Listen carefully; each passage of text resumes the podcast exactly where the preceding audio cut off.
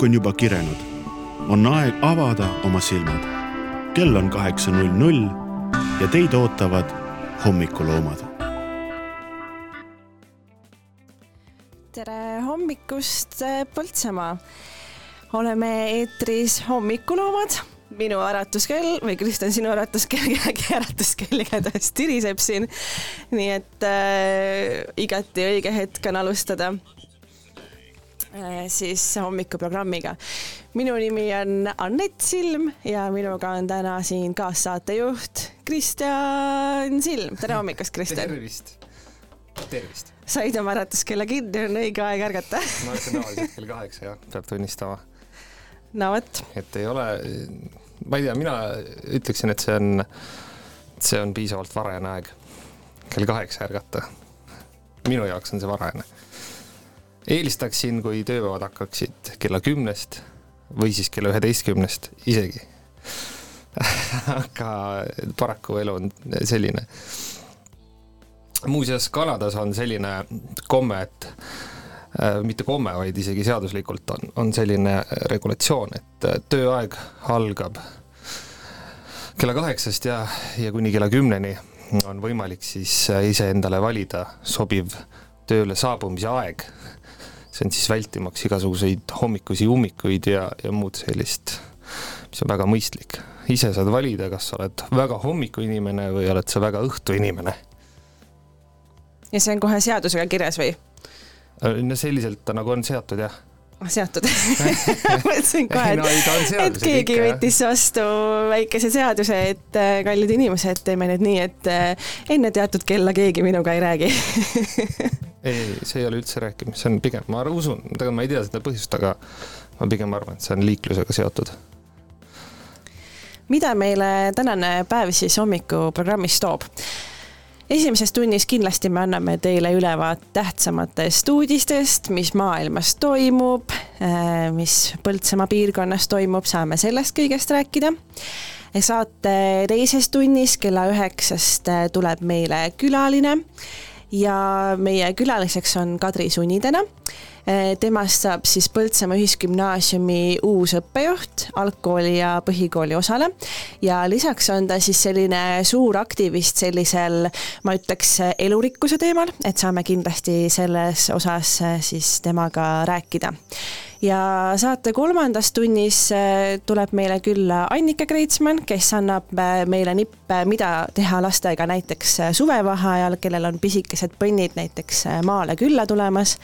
et millised on need head ajaveetmise viisid, mida siis saab ise ette võtta ja näiteks planeerida. ja millest me veel täna võiksime rääkida, Kristjan? No elust väga õige, kindlasti lisaks kõikidele uudistele, mis on juba kirja pandud, räägime elust, olust ja sellest, mis on oluline eh, üldiselt.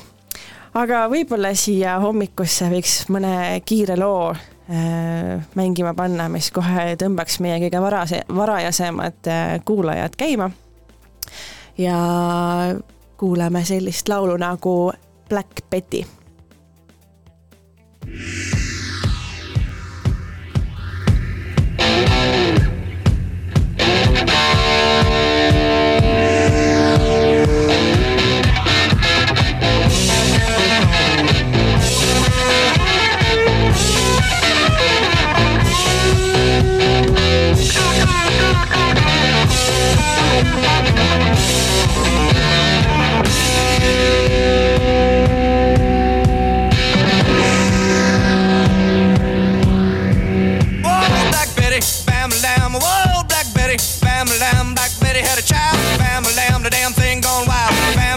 said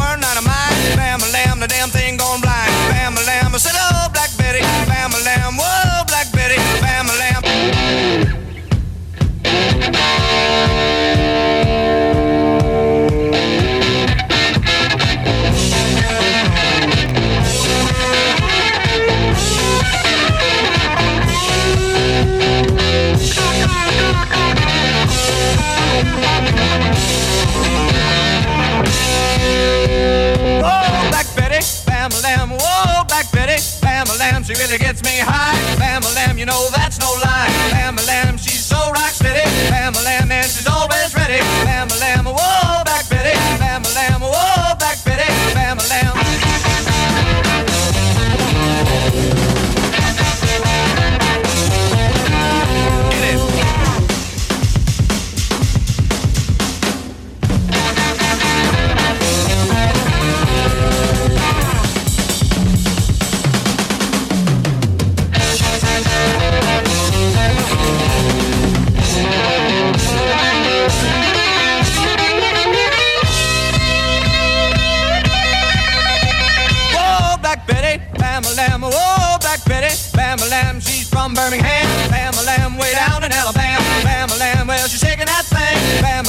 she makes me sing, Bam Lamb, whoa, oh.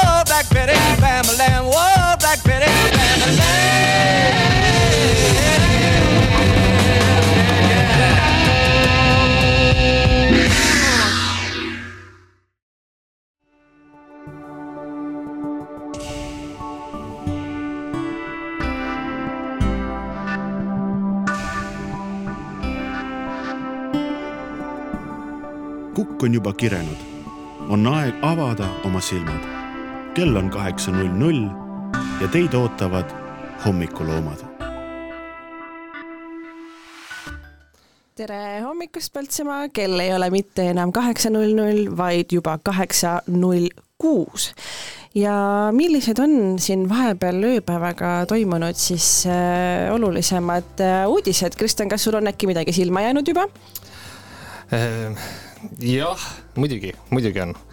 Me kuulasime ära sellise loo nagu Black Betty, mis äh, on siis inglise keeles Betty on helitavalt või noh, mitte nüüd väga helitavalt, aga tähendab sellist äh, atraktiivset äh, naist.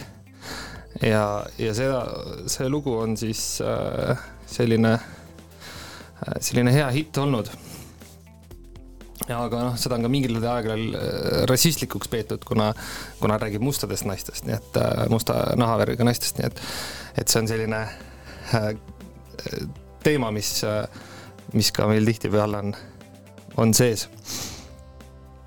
ikka ajalooliselt on, on seatud, et, et vanemad lood, neid mõistetakse erinevatel aegadel erinevalt. ja kõige tähtsamad uudised siiski on äh, ilmateade.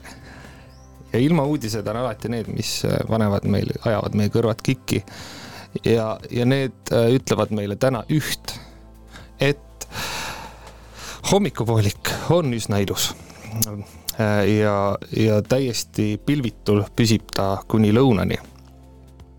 kraadideks siis kuni kakskümmend neli kraadi on täna võimalik Põltsamaal sooja saada ja pärast lõunat läheb natukene pilviseks. küll õhtul pilved osaliselt hajuvad, nii et ja kraadid ka natukene leevenevad, aga tõotab tulla selline vihmavaba ja ilus soe päev. nii et päikest võtke enne lõunat, siis, siis tasub, siis tasub puhata ja, ja ka ilm ei anna enam võimalust päikest võtta kuni kella kuueni. ja pärast seda jälle taas pärast seda jälle taas on võimalik õhtust, hilisõhtust päikest võtta, kui on selline variant olemas. nii palju siis ilmast. tundub, et äh, soe suvi hakkab tagasi jõudma, et vahepeal kiskus siin üsna nukraks, et äh, oli ainult vihm ja pigem nii, et paneks jope selga, kui välja läheks. aga tundub, et siis on päris hea kindlasti paljud soovivad ka ujuma minna.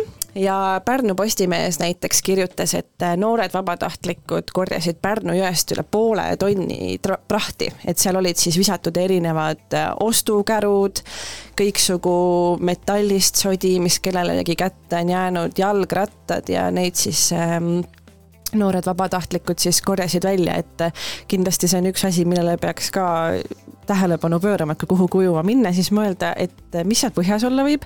ma ei tea, mina olen näiteks inimene, kelle, kellele üldse ei meeldi, kui ma ei tea, mis asi on põhjas. isegi kui see on selline mudane, siis ma pigem nagu äh, väldiks seda, sest et ma ei tea, mis seal põhjas veel olla võib, kui seal juba nagu muda äh, siis on.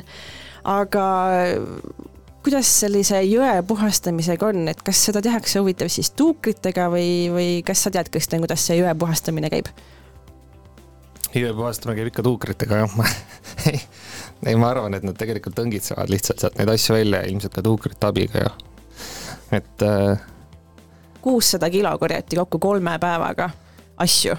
see on ikka päris suur kogus, sest et noh, eeldatavasti seda tehakse ikkagi ju iga aasta. nii et see on siis ühe hooajaga nii-öelda hoo, ujumisvaba hooajaga siis sinna juurde tekitatud? Jah, ja need on need silla ümbrused, mis tavaliselt saavad äh, mustaks äh, või kuhu on siis mugav inimestel prahti ja igasuguseid asju visata ja, ja miskipärast on see kombeks, et neid asju alla visata väga halb. ma ei tea, kui mugav on visata ostukäru jõkke nagu selle asemel, et see ilusti poodi, poeparklasse tagasi viia, siis mis, mis see põhjendus see peaks olema? asitõendite peitmiseks tõenäoliselt, et kui sa oled äh, selle endale unustanud kogemata tõenäoliselt siis asi, äh, unustanud endale asjad sinna korvi või käru sisse ja oled juba poolel teel koju, elad siis tõenäoliselt üle jõe ja, ja siis sa ületad sillaga seda jõge ja siis taipad, et ai, see käru jäi ikkagi, käru jäi ikkagi tagasi andmata ja siis noh, kuidagi peab sellest vabanema. Ma ei tea, nagu, nagu ka pealkiri ütleb, inimeste fantaasia piires see äh, tegevus seal kompab, et, et kui me mõtleme, et äh, milliseid asju on võimalik üle silla või, või üldse üle, üle äärte visata, siis, siis meie fantaasia jääb isegi natukene hätta, inimeste fantaasia on on selles mõttes palju parem. ma võin siit jah kohe juurde lugeda, et mida siis sealt äh, leiti, et toodi välja kuusteist ostukäru, viis rula, tõukerattaid, autorehve, kõlarite korpusi, taarat, redel, linna prügikast, autode osi ja muud olmeprügi ja lisaks leiti telerikorpus, pargipink ja isegi tualetipott et nagu need ei tundu nagu asjad, millest kogemata võiks nagu vabaneda ja siis viskad äh, nagu jõkke jah, kindlasti on tahtlikult vabanetud nendest. aga, aga noh, ma mäletan siin möödunud aastal tõmmati välja ka Bolti tõukeratas aga seda tehakse tähendab, tegelikult ongi meil sellised head kodanikud, kes on, alustavad äh, või on alustanud siis erinevate veekogude puhastamist just nimelt äh, seda kutsutakse äh, magnetkalapüügiks siis või noh, kalade asemel siis püütakse kõike võimalikku, mis magneti, suurte võimsate magnetite külge jääb. ja, ja selle abil äh, meile siis meie jaoks on see muidugi tore, et, et siis tõmmatakse ka sealt igasuguseid asju välja ja muidugi äh, päris omakasu püüdmatuse tegevus ilmselt ei ole, et loodetakse leida midagi väärtuslikku, siis selle, selle midagi, mis sinna magneti külge jääks. aga ka selle käigus muidugi ka võetakse välja kõik muu põnev, mis äh, sinna, sinna põhja on jäänud või visatud ja ja tõesti Bolti tõukeratas ja rattad ja, ja kõik sellised on, on täiesti sellised tavalised. Äh, no okei okay,, Bolti tõukeratas ilmselt ei ole tavaline asi, mida jõest leida, aga, aga ma tean vähemalt, et see tõukeratas sai Boltile tagastatud. ja, ja kusjuures nemad sellest puudust ei tundnud, nad olid selle juba maha kandnud kusjuures äh, lisaks Pärnule siis äh, eile toimus ka Tartus Emajões sarnane siis selline äh, jõepuhastus ja seal samamoodi Tartu Postimees raporteerib, et ostukärud on ikkagi kõige suurem osa, mida nad leiavad. et see tegelikult on päris nukker, et, et mingi hulk inimesi siis lihtsalt võtab kellegi teise vara, sest ilmselgelt ostu, ostukäru kuulub ju mõnele ettevõttele, siis sellega tehakse võib-olla pulli, sõidetakse ringi ja siis see lõpetab lihtsalt jões ja keegi seda tagasi ei vii. ja mis on veel huvitav, on see, et äh, Raadi järv, äh, mis on siis samuti seal Tartu linna piiril, et sealt on nad välja toonud kuue aastaga nelikümmend tonni prügi. ja kes ei tea, kui suur on Raadi järv, siis Raadi järv on pigem väike, ta on selline kuidas, kui Põltsamaal keegi on käinud ujumas näiteks Eistvere järve ääres või kala püüdmas, siis äh, Raadi järv on minu meelest isegi natuke väiksem kui Eistvere järv. ja sealt nii palju prügi välja tuua, see on ikka meeletu kogus. Et selles mõttes tänuväärt üritused, et seda tehakse ja saame jälle keskkonna puhtamaks just ja keskkonnateemadest edasi sujuvalt minnes äh, julgeoleku teemadele, siis äh, täna on külastamas meie naaberriiki Soomet äh, ka Ameerika president Biden. kas ta Eestis ei tee väikest vahepeatust? jah, siin on meile väike ninanips tehtud, et kutsuti ainult Põhjamaad ja nii palju, kui me ei tahaks ennast Põhjamaaks nimetada, siis kutset Kaja Kallasele ei saadetud. et, et, et me võime deklareerida küll, et me oleme Põhjamaad, aga kui keegi teine seda ei tee, siis ega, ega sellest väga kasu ei ole. aga see on see manifesteerimine, et me peame endale sisendama, et siiski me nende hulka kuulume ja võib-olla on see päev, kus kutsutakse ka selle laua taha meie inimesed ja räägitakse Põhjamaa julgeolekust ka Eesti kontekstis kas seal on kirjas ka, mis on Bideni eesmärk sellel Soome visiidil, et eh, muidugi eh, hetkel on ju lõppenud siis NATO tippkohtumine, mis siis sel aastal toimus Leedus, kus siis kõik kõrgemad liitlasjõudude riigipead olid kohal, et Leedust tal õnneks pikk maa ei ole Soome minna. aga et mis ta seal teeb, et on tal midagi asjalikku seal või ta läks lihtsalt vaatama, kui ilus Soome loodus on? eks vara on öelda vara on öelda, et ma ei julge spekuleerida, mis teemad äh, käsitlusele tulevad, aga tõenäoliselt on need, äh, on need ikkagi äh, Ukrainat puudutavad teemad ja eks Põhjamaad puudutavad julgeolekuküsimused. nii et kindlasti on seal Rootsi ilmselt NATO-sse astumise küsimus, mis on, on küll osaliselt lahenduse leidnud, kuigi jätkuvalt on, on õhus sest viimased uudised ütlevad, et äh, ega Rootsi enne oktoobrit ikkagi seda jah-sõna, ikkagi lõplikku jah-sõna äh, türklastelt ei saa. ja, ja, ja sinna on ikkagi omajagu jälle aega, nii et vahepeal võib, võib-olla keegi, keegi jõuab meile mingisuguse asja korda saata, et, et, et seda et seda aega nii-öelda pikendada, nii et äh, Türgi hoiab veel oma kaarte nii-öelda lahtiselt või noh, et vaatab, kuidas asjad käivad. on spekuleeritud, et tõesti Türgi selline poole, mm, poolte valimine on seotud kuidagi sõja edenemisega Ukrainas, et kes ei tahaks võitjate poolele kindlalt oma poolehoidu näidata, et, et see, see võib olla mingi midagi, mis on selline, ütleme siis positiivne sõnum meile kõigile, et võib-olla eh, on, on, on kuskil mingite suletud uste taha, nähakse juba sõja võidukat lõppu ja, ja sellepärast hakatakse juba varakult pooli valima ja Türgi on, on siis otsustanud, et, et ikkagi õigele poolele, õigele poolele tulla. nii et ja oma toetust siin avaldada. aga, aga tundub, et see jah, ei ole väga kiire tulema, sest et kuni oktoobrini jällegi seda otsust äh, nende, nende valitsus ei, ei kinnita, nii et, et, et jutud käivad, aga samas muidugi Türgi ei ole ka veel viimane ja ainuke, kes ei ole seda nii-öelda lõppkinnitust andnud, et meil on ju veel ka Ungari, kelle puhul kunagi ei tea ette, mis ta nüüd järgmisena mõtleb või kellega ta nii-öelda kaasa jookseb, et et selles mõttes, kuigi nad olid öelnud, et nad ei taha olla viimased, kes siis selle otsuse vastu võtavad, siis ei tea, kas nad jõuavad enne Türgit selle ära teha või mitte. aga Bideni minek Soome muidugi selles mõttes ju väga tervitatav, et Soome on meie värskeim eh, siis eh, NATO sõber, nii et selline külaskäik kindlasti mõjub ka soomlastele väga motiveerivalt, et et liitlased on äh, kohal ja et selles mõttes on hea mõte neil käia külas. jah, ja eks Soome on alati olnud sellise välispoliitika lipulaev ja ütleme, selline noh, varasemalt oli ta ikkagi sild ka Venemaaga, nüüd on, on ka see muutunud selliseks, et, et see sild on nüüd lõplikult vist lõhutud, et ähm, aga, aga ta on olnud alati selline diplomaatia, ütleme siis selline pealinn. ja Helsingis on ikkagi tähtsaid kohtumisi olnud ka varem, nii et, et, et see, et äh, muidugi mõni president või kõrgem ametiisik Helsingi ja, ja Niinistöga kohtub, siis see ei ole kuigi haruldane ja pigem on see tavaline.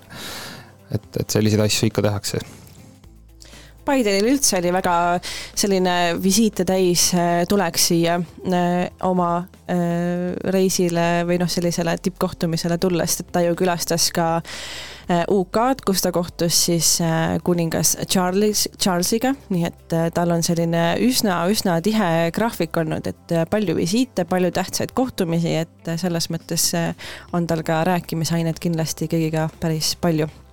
jah, ja lisaks igasugused need äh põhja, põhja siis, Põhjamaid puudutavad teemad, mis on ka puudutavad Kardikat ja, ja seda piirkonda, mis, mis on ka tegelikult saamas üheks, üheks välispoliitilise sellise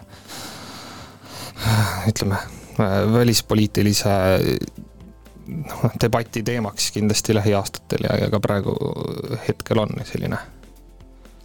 Aga mulle meeldis sinu vahepeal öeldud selline metafoor, et selline sild äh, siis äh, meie kõigi vahel, et võib-olla kuulame siia vahele ühe väikse loo.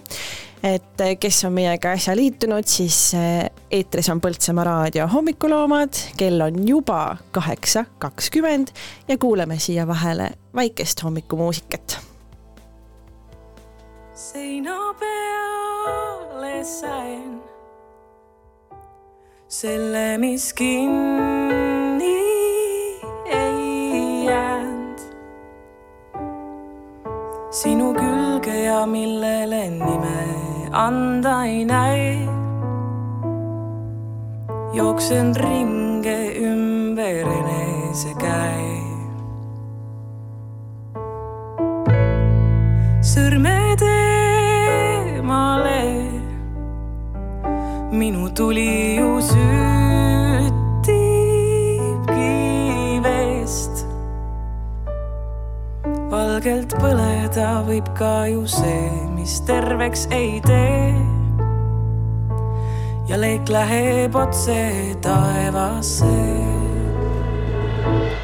ja siis veeretab und veeretab und mu juustesse, raputab rohelist lund, keerutad end valmis, kui sead oma käed minu korteris klaveri peal. puuduta nüüd, hetkeks on hea, loo, ära loo, ära tõmba pealt, tekki, mis jäi väikeseks kahele silmade vahele, sillad ei käi. puuduta nüüd, hetkeks on hea loo, ära loo, ära tõmba väikeseks kahele silmade vahele, sillad ei käi. sellel kevadel on tõmmatud kõik nööbidest.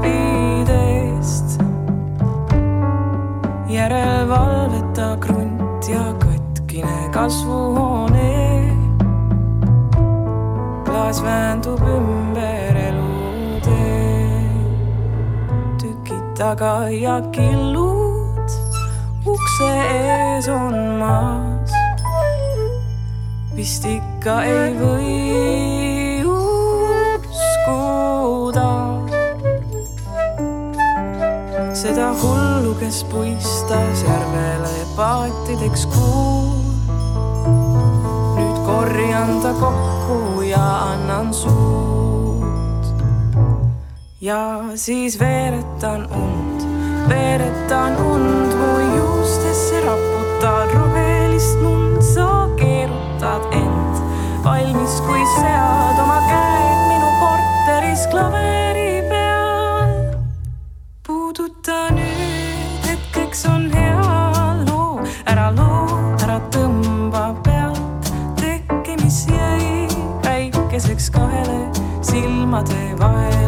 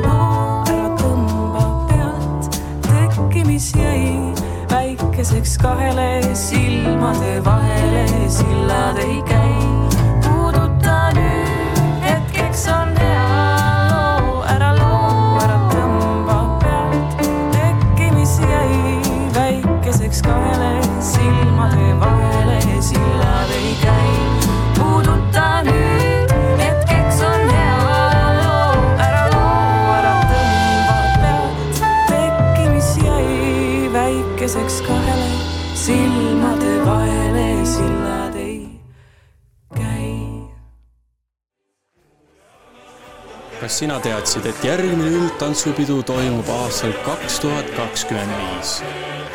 tahaksid ka peol tantsijana osaleda, siis tule juba sel sügisel rahvatantsutrenni.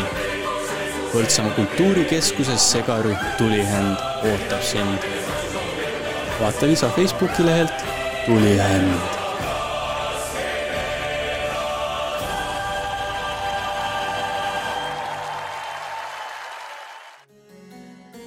Kesk-Eesti võimsaim maamärk, uuendatud Põltsamaa lossikompleks ootab sind külla. tule uudiste ajalugu väravahoones, imetle kauneid vaateid lossitornis, naudi hõrgutavaid roogasid restoranis Oberbaden ning külasta käsitöömeistreid ja kirikut.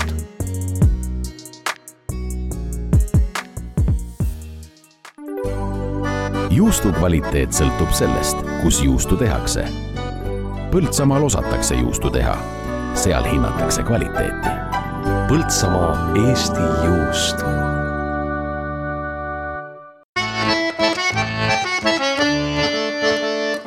Põltsamaa raadio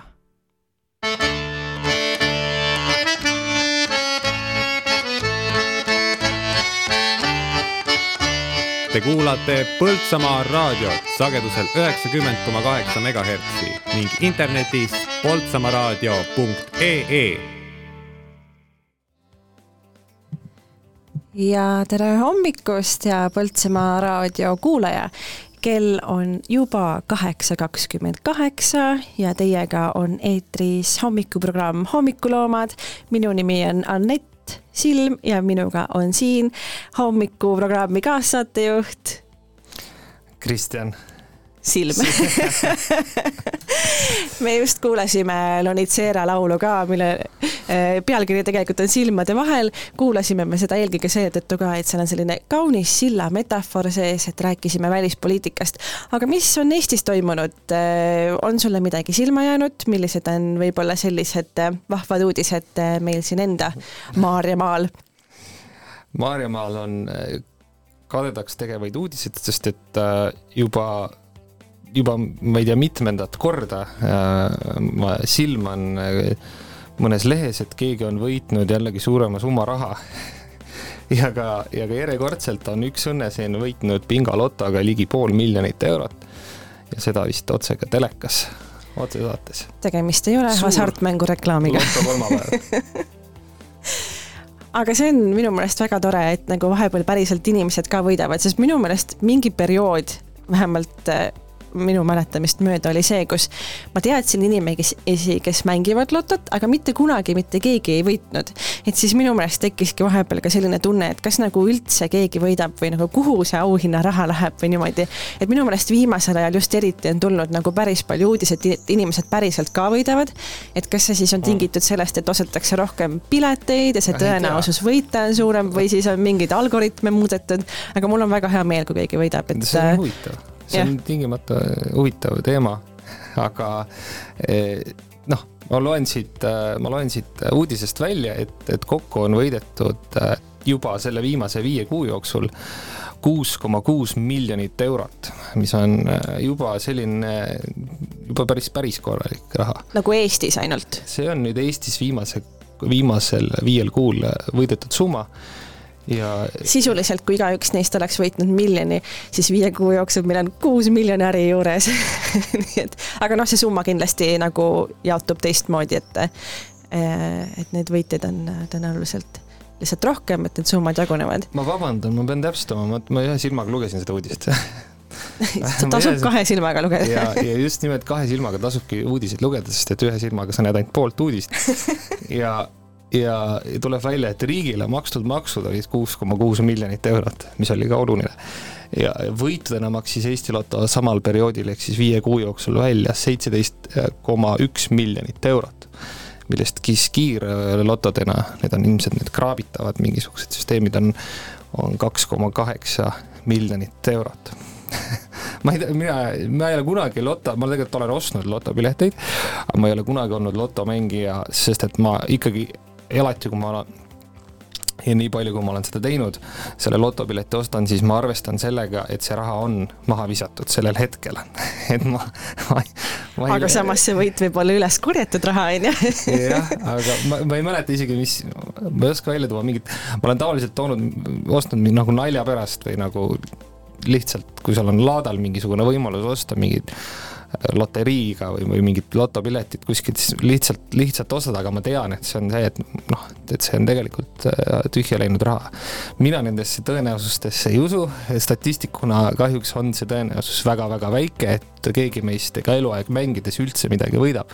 noh, üldse siis me räägime mingisugustest suurtematest summadest, eks ole, mingisugusest täismänguvõitjadest või, või noh, et see, see on väga-väga-väga väike tõenäosus aga ma räägin, et need uudised nagu tekitavad natuke ju sellist nagu lootustunnet, eks ole, et ikkagi on võimalik. Kümne ja viie või kahe eurosed võidud hoiavad ka sind selle konksu otsas, et, et täna sain kümme, et võib-olla homme saan sada ja kui saangi homme sada, siis võib-olla ülehomme saan juba tuhat ja kui saan tuhat, siis võib-olla saan ka pool miljonit, nagu mul naabri, naabritädi siin sai, eks ole ma arvan seda, et vastutustundlikult äh,, miks mitte vahepeal oma õnne siis äh, proovile panna, et näiteks mina käisin suvel ühes pulmas äh, külalisena, kus siis äh, mängu võitjatele ka ei olnud siis auhindu selliseid, vaid olid lotopiletid. Ja näiteks pulmakutsete peal ma olen ka näinud, et paljud küsivad, et oo, et ärge tooge lilli, et tooge näiteks parem lotopiletid, et siis on selline noh, selline ka jälle õhkõrn võimalus, et mine tea, kuna võib õnneks minna, et tegelikult see on minu meelest päris äge ja Eesti inimestele, ma arvan, kuluvad sellised äh, võidusummad väga ära ka, et äh, tõenäoliselt väga paljudel läheb äh, see võiduraha enda elujärje parendamise peale, et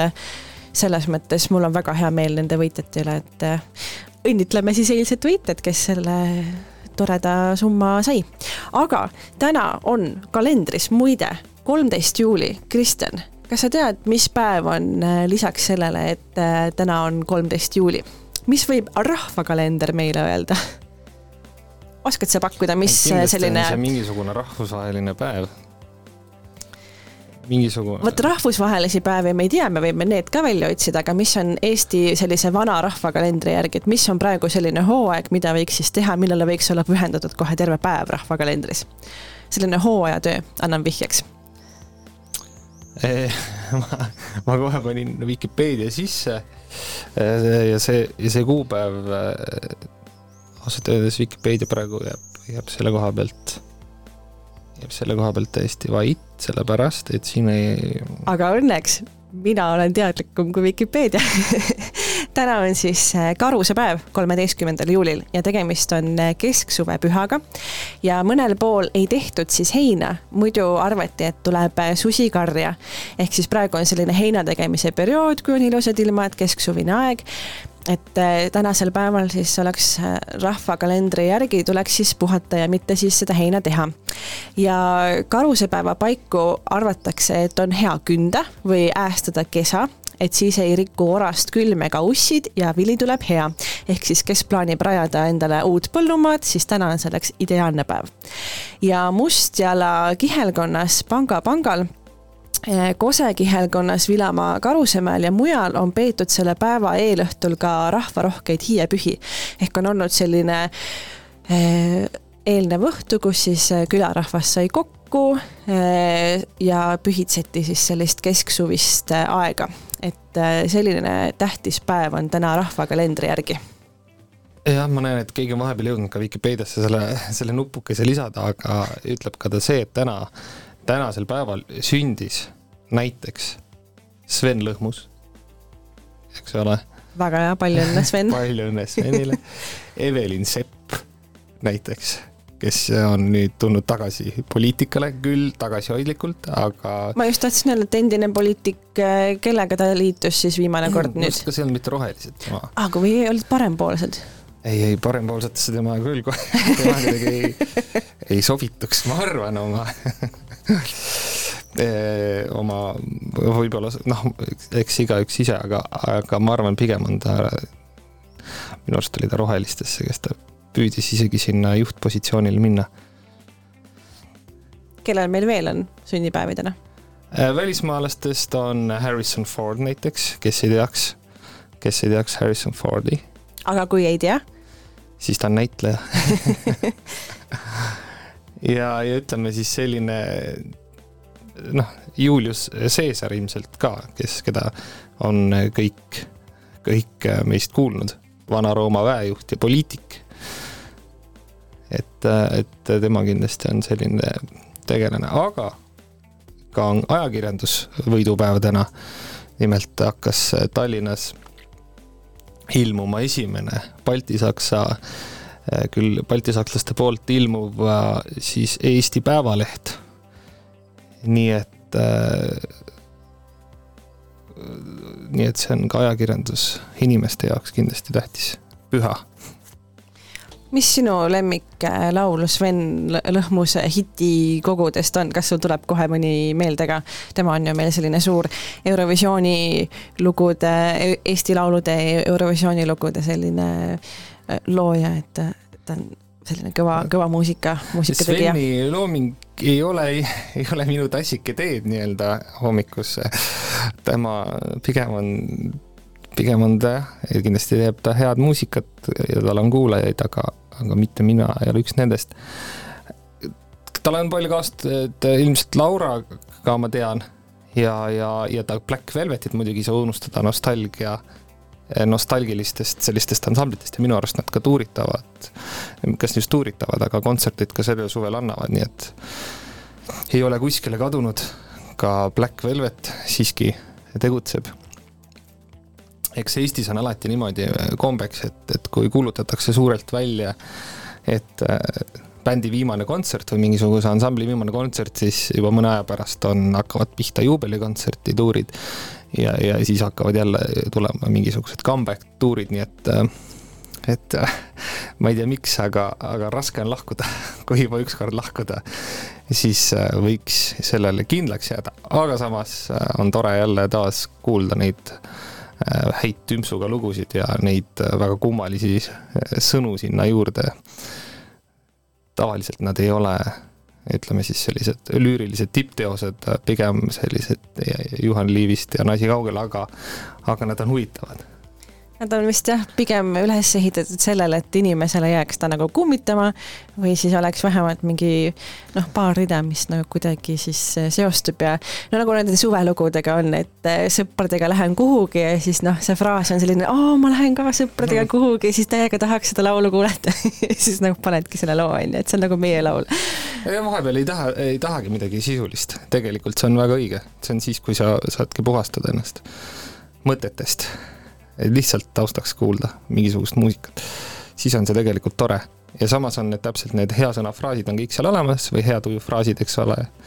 ja, ja kõige ägedam lugu minu arust ongi Firelli äh, selline mm, Happy, loo pealkiri on väga lööv ja, ja kusjuures noh, seal on võimatu, sõnum on niivõrd sirge ja niivõrd hea et äh, no muidugi seal on ka muusikaliselt, ma ei hakka Sven Lõhmusega teda võrdlema kuidagi, et, et noh, see on ikkagi maailmaklass, aga, aga, aga siiski ma räägin sõnumi lihtsusest, et, et, et äh, sõnum äh, õnnelikuks olemine on tegelikult piisav selleks, et kui sa seda, kui sa seda kuuled, siis see tuju muutub ka paremaks, nii et selline muusikateraapia aga võib-olla teemegi siia hommikusse natuke muusikateraapiat, kõigepealt Sven Lõhmuse sõpradele ja siis paneme Happy ka, et saaks, kes ei ole näiteks jõudnud veel hommikusirutusvõimlemist teha, siis see on kindlasti selline muusika, mis jala tatsuma paneks. aga alustame siis Black Velvetiga ja leidsin siit plaadiriiulilt sellise loo nagu Sandra, mis oli siis ka üks Eesti loo konkursil käinud lugu ja noh, sellega on ju imeline tervitada ka kõiki Sandraid, kes äh, Põltsamaa raadiot kuulavad, nii et head kuulamist teile.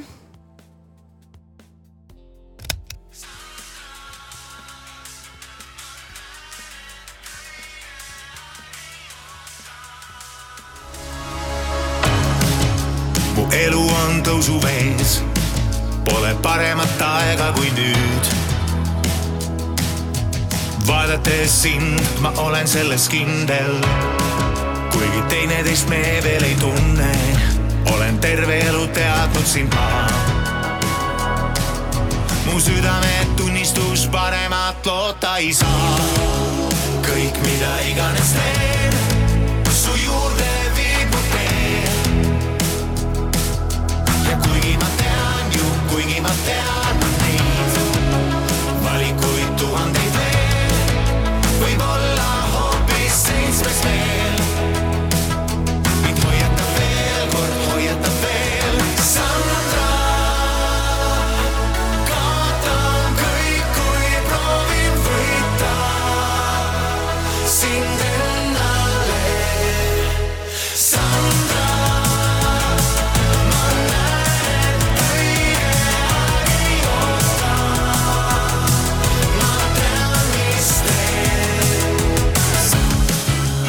tuledel lõõmavas ringis, millest enam välja ei saa.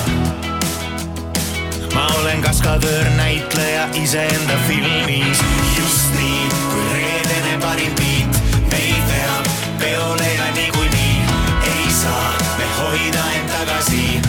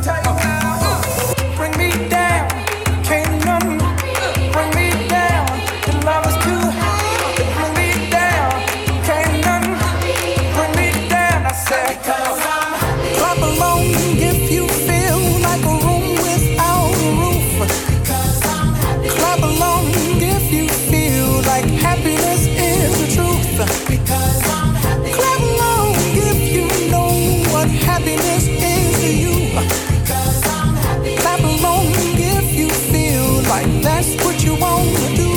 Because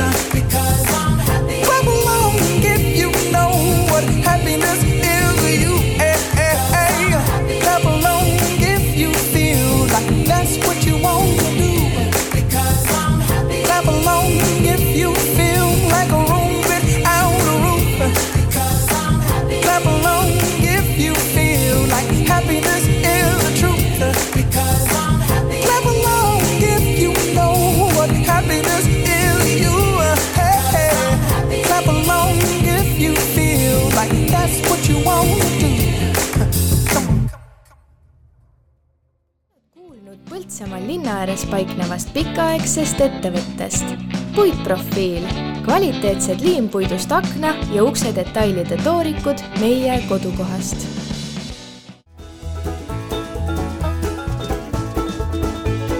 Põltsamaa raadio hea sõber ja toetaja on Vali Press.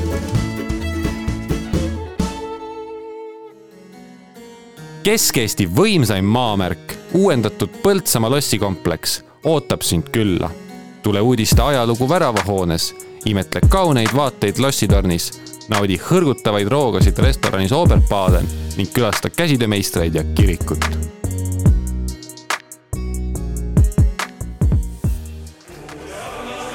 kas sina teadsid, et järgmine üldtantsupidu toimub aastal kaks tuhat kakskümmend viis? tahaksid ka peol tantsijana osaleda, siis tule juba sel sügisel rahvatantsutrenni. Põltsamaa kultuurikeskuses segarühm Tulihänd ootab sind. vaata lisa Facebooki lehelt Tulihänd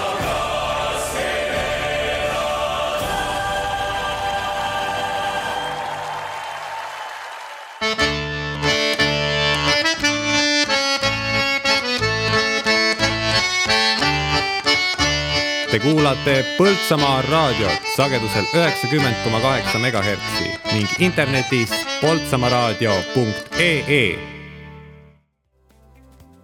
ja tere hommikust, head Põltsamaa raadio kuulajad. nagu ka just eh, reklaam ütles, siis te kuulate muidugi Põltsamaa raadiot, seda on võimalik kuulata sagedusel üheksakümmend koma kaheksa ja veebis poltsamaaraadio.ee, kus muide on hiljem kõik eh, saated ka järelkuulatavad.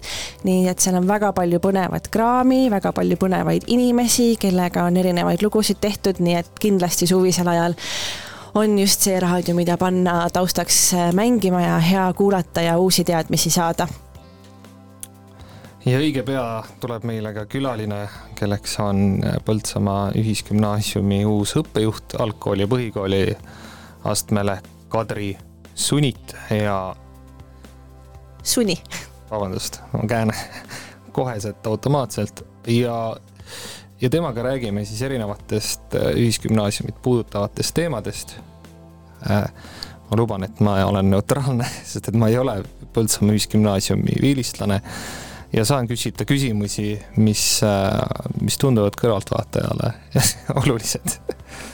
Mina olen vilistlane ja juba selle aasta augustis muide on tulemas ka suur vilistlaste kokkutulek, üheksateist august, nii et see saab kindlasti olema väga-väga põnev aeg kes on meiega äsja liitunud või ärganud alles, siis kell on kaheksa viiskümmend ja eetris on ikka hommikuloomad tänaseks hommikuloomadeks on siis Anett ja Kristjan, kes on tulnud siia kaugelt-kaugelt Lõuna-Eestist Tartumaalt nii et äh, muidu ikkagi hingega, hingega Põltsamaal.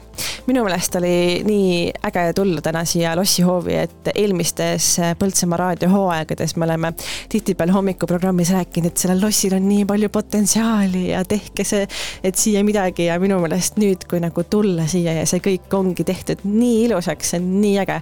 et mina olin täna hommikul siia sisse jalutades tõesti väga positiivselt äh, üllatunud ja tekkis kohe sihuke lossiproua tunne sealt väravatest sisse tulles, nii et et äh, kiitus kõigile, kes selle projektiga tegelenud on, nii et minu meelest Põltsamaa on nüüd kindlasti Kesk-Eesti üks kõige ilusamaid paiku, mida suvisel ajal külastada. nii et kes kuulab kaugemalt, tulge meile külla. just äh, täpselt sama emotsioon valdas ka mind, kui ma siit uksest sisse astusin, väravatest, väravatest tundsid ka ennast nagu kuningas? nagu Magnus. Ma tundsin ennast kui Liivimaa kuningas. ja, ja, ja see oli tõesti hea, hea, et on tehtud sellised kohad korda, millel on äh, tegelikult suur väärtus ja et seda väärtust märgatakse. Sellepärast, et eks iga väikem ja väiksem ja ka suurem linn püüab endale mingisugust nägu luua, mingit kuvandit ja kuidagi neid äh, turiste siia ka suvisel või talvisel ajal siis mõndadel juhtudel meelitada ja, ja ma arvan, et kui Põltsamaa loss on, lossist saaks selline Põltsamaa, ma ei tea, ikoon või mingi, selline maamärk, siis, siis, siis see on ju, see on ju kindlasti asi, mis mis kannab natukene pikemalt kui Põltsamaa mahlad ja, ja mingid moosid, et mitte, et neil oleks ka midagi viga, aga lihtsalt, et, et eks, eks. Äh, et moosi sööd ära ja veini jood ära, aga, aga loss jääb alles just. Et tuleb sealt välja tulla, sellest, sellest mugavast Põltsamaa ehtne ja hea reklaamist ja, ja reklaamida ja hoopis, hoopis luua endale teist paralleelset kuvandit, mis on mis on püsivam või noh, ma ei tea, tõesti, ei Põltsamaa muidugi tooted on selles mõttes, mulle tegelikult väga meeldivad iseenesest. aga, aga, aga noh, noh, saad aru küll, Anett, mu mõttest, mu sisulisest mõttest, et kui see loss on siin juba sadu aastaid olnud, siis ka sadu aastat edasi siin püsib. ja, ja selles mõttes on hea millegile sellisele väga tugevale ja ajaloolisele enda, enda sellist kuvandit kingitada jah, sellega ma olen nõus, väga nukker on tegelikult äh, tihtipeale, kui satudki Eestis kuhugi ja siis näed neid varemeid, mis nagu mis võiks ju olla midagi sellist, äh, millest midagi teha suurt ja hoida ja kogukonna jaoks ja siis lihtsalt ei ole kas hakkajaid inimesi või ei ole ressurssi ja siis need asjad jäävad niimoodi järjest ja järjest mahajäetumaks, siis on neid ka keerulisem korda teha, et õigel hetkel on jaole saadud ja selles mõttes on kihvt ja mina olen küll väga-väga õnnelik, et siin niimoodi äh, tehtud on ja olen ka juba kõiki sõpru siia külla kutsunud. nii et sellised lood. Meil on veel viis minutit äh, Põltsamaa uudisteni aga enne vaatasin, et Äh, on saatnud täna välja pressiteate ka Justiitsministeerium, mis siis räägib natuke sellisest üle-eestilisest uudisest, et äh, see on küll, ta ei ole küll kõige positiivsem uudis, et kui me enne rääkisime, et inimesed on võitnud lotoga ja selles mõttes on kõik hästi, et siis tegelikult äh, lisaks sellele, et poole aastaga on, no eks ole, neid suuri võidusummasid väga palju tulnud, siis samal ajal on registreeritud poole aastaga ka, mis sa arvad, mitu kuritegu Eestis registreeriti poole aastaga? selline noh ütleme ümmargune number paku pluss-miinus viissada annab Aa, juba sellise okay. mitu kuritegu üldse kokku on registreeritud, mõtled jah? poole aastaga, jah sinna alla kuuluvad ka mingisugused poevargused ja sellised pisemad äh, väärteod või, või on just me räägime varavastased kuriteod, kelmused, arvutikelmused, juhtimisnõuete rikkumised näiteks, kriminaaljoobes, sõiduki juhtimised, et need kõik sinna alla kuuluvad. Jah, ma pakun siis kümme, viisteist tuhat oh, õnneks saab olla optimistlikumaid, vähem on et äh, aga see on ikkagi hirmuäratav number minu meelest, et poole aastaga registreeriti kolmteist tuhat kuussada kakskümmend üks kuritegu. see on ju ja mis on kõige kurvem, on see, et vägivallakuritegusid neist on kolm tuhat kuussada üheksakümmend kaks, mida on viis protsenti rohkem kui eelmine aasta samal ajal. ja perevägivalla kuritegusid äh, tuhat nelisada kaheksa, mida on samuti rohkem kui eelmine aasta, seda küll kolm kolm protsenti, aga neid on ikkagi rohkem. ja tapmisi ja mõrvu koos äh, katsetega, ehk siis noh, et tegu ei viidud lõpuni, eks ole, äh, registreeriti üksteist ja seda on sama palju kui mullu, ehk siis äh, mingid arvud on püsima jäänud, aga kokkuvõttes on need summad või noh, need arvud ikkagi meeletu suured, mis siis korda on saadetud. Just. Ja, ja loodame siis, et tulevikus aga see statistika paraneb. kes kuulas eile ka hommikuprogrammi, siis äh, poisid ka rääkisid äh, poevargustest, mille kohta eile uudis tuli ja siis äh, täna on seda täpsustatud nii palju, et, et mida siis sealt poest tegelikult äh, varastatakse. et varastatud kaupade seas esikohal on alkohol. alates odavast õllest ja viinast ja lõpetades kalli konjakiga, et proovitakse ikkagi kõike, mida siis kätte saab. ja sageli varastatakse ka šokolaadi, pähkleid, komme ja muid maiustusi ja igapäevatoiduainetest varastatakse enim juustu ja mitmesuguseid lihatooteid, samuti kohupiima ja muid väikepakendistooteid hügieenitarvetest, aga hambapastat ja šampoone.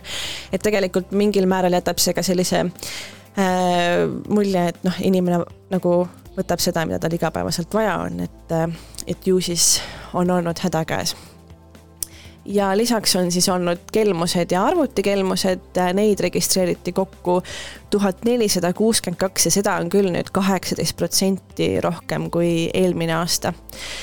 Ja väga kurb statistika on muidugi kriminaalses joobes sõiduki juhtimised, mida registreeriti poole aasta jooksul tuhat kolmkümmend kaheksa. seda on küll vähem kui eelmisel aastal ja, aga ikkagi see arv juhte, kes äh, niimoodi vastutustundetult äh, teiste eludega riskides purjuspeaga rooli astuvad, on väga-väga äh, pettumust äratav, nii et olen ääretult pettunud kõigis neis tuhande kolmekümne kaheksas inimeses, kes niimoodi tegid.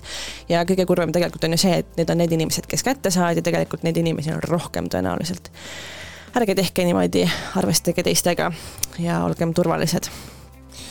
ja aga Anett, mida saaks teha selleks, et oleks meil äh, ühiskonnas selline, ma ei tea siis, tugevam hoiak, negatiivsem hoiak joobes juhtimisele? võib-olla peaks alustama sellest, et miks inimene üldse joob ennast äh, niivõrd purju, et võib-olla Eesti ühiskond ei ole lihtsalt veel sealmaal, kus inimesed on õppinud või, või noh, oskavad või keegi teine oskab neid aidata murede ja probleemidega tegemisel, tegelemisel, et esimene selline Äh, enda loodud lahendus ongi siis mured uputada alkoholi ja siis lihtsalt jätkatakse oma tegevusi, olles alkoholijoobes. et ma arvan, et võib-olla selline ühiskondlik äh, nihe võiks tulla selles osas, kus inimesed äh, julgevad rääkida oma muredest ja, ja pöörduda abi saamiseks, et, et ei pea nagu uputama seda pudelisse ja võib-olla ka noorte, vähemalt ma ei tea, minu tutvusringkond ei ole selline, minu meelest alkoholi tarbimine on vähenenud, äh, noorte seas ei ole minu meelest üldse popp, aga kindlasti on neid ringkondi, kus see on ja siis ma ei tea, minnakse autoga sõitma, tehakse omast arust pulli, mis tegelikult võib lõppeda ääretult kurvalt ja see, sel aastal on näiteks Järvamaal kes on uudiseid lugenud, on mitu noort elu läinud seetõttu, et on juhtunud autoõnnetused, eks ole. et äh, rahu muidugi keegi hingedele, kellega nii on juhtunud, aga lihtsalt mõelda tuleb mitu sammu ette.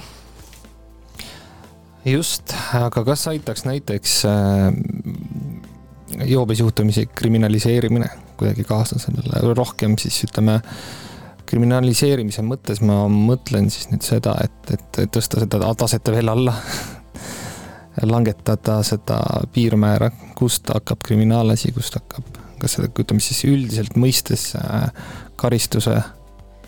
see on hea küsimus ja sellele me kindlasti leiame tänase saate jooksul vastuse, aga kell on saanud märkamatult üheksa, mis tähendab, et käes on uudisteaeg ja kuulame nüüd Põltsamaa raadio uudiseid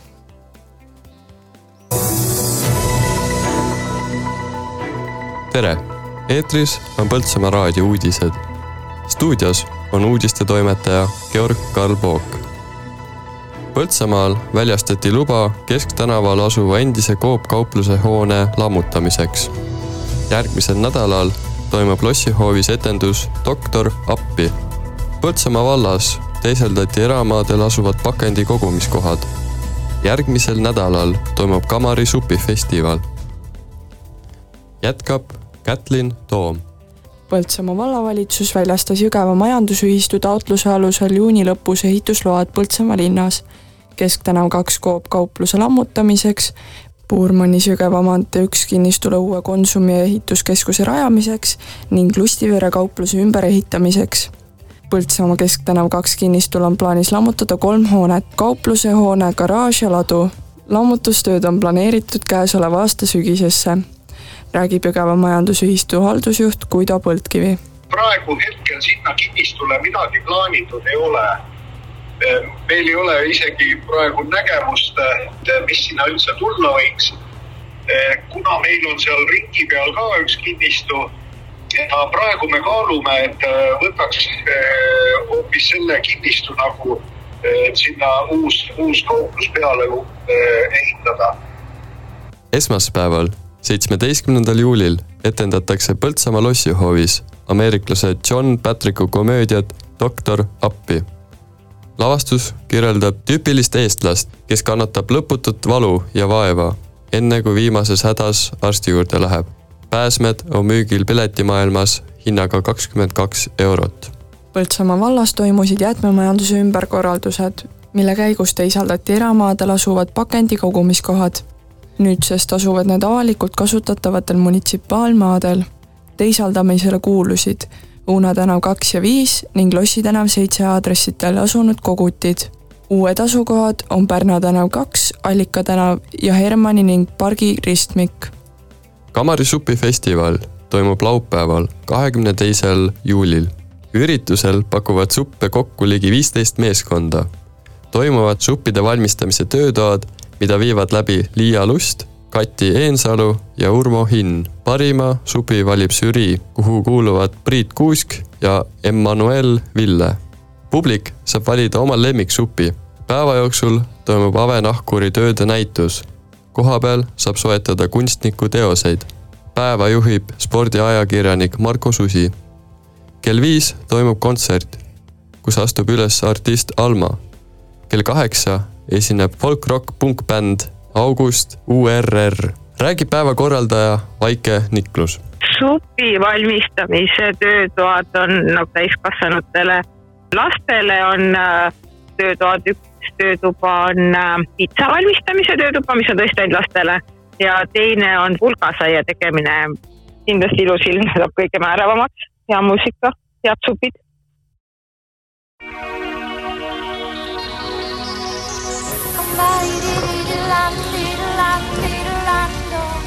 ilm.ee andmetel on täna, kolmeteistkümnendal juulil muutliku pilvisusega ilm. mitmel pool sajab hoovihma, võib-olla äikest. tuul pöördub läänekaarde kolm kuni üheksa, rannikul puhanguti kuni kolmteist meetrit sekundis.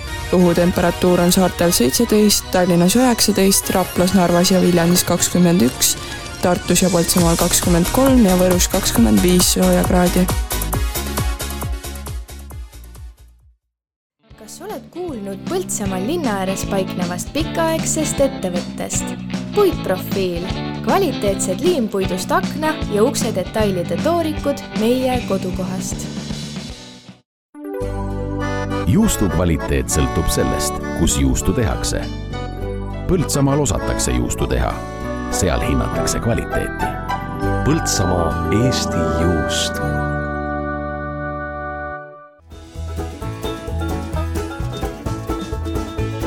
Põltsamaa raadio hea sõber ja toetaja on Vali Press.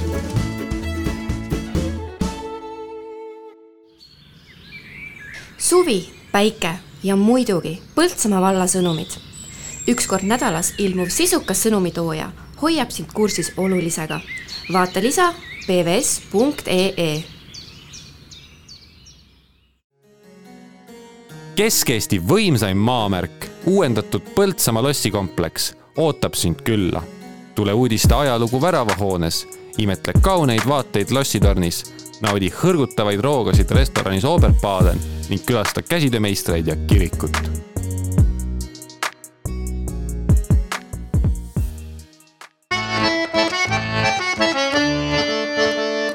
Põltsamaa raadio. Tere hommikust, Põltsamaa raadio kuulajad, oleme tagasi eetris. mina olen Anett, minuga on stuudios Kristjan ja meiega on liitunud nüüd ka kolmas tänane hommikune ärataja Kadri Suni. tere, Kadri. tere hommikust kõigile. kuidas tänane hommik möödunud on? väga mõnusalt, jõin äh, hommikukohvi Põltsamaa raadioseltsis ja kuulsin Lonitseera laulu ja, ja teie sooja häält ja kas äh, olete suur Lonitseera fänn? Jaa, ta on selline hiljutine avastus, aga ma ei tea, kas nüüd suur fänn, aga ta on väga, väga sümpaatne. minu meelest ka, neil on väga sellised äh, nutikad sõnad, et mm -hmm. nende puhul kindlasti, et kes äh, näiteks nüüd mõtleb, et avastaks seda bändi, siis neil on Youtube'is mitmed erinevad lood, et tasub, need on sellised lood, mida tasub kuulata mõttega ja tihti esimese korraga ei tabagi kõik ära, et mida ta seal loos nagu tahab öelda. et minu meelest ka sellised väga kihvtid ja sellised äh, trikiga sõnad, et mis iga, igaüks saab võib-olla natuke endale tõlgendada, aga selline huvitav ja natuke teistmoodi bänd. ja selline sõnadesse keskendumist nõudav. jah, jah, just.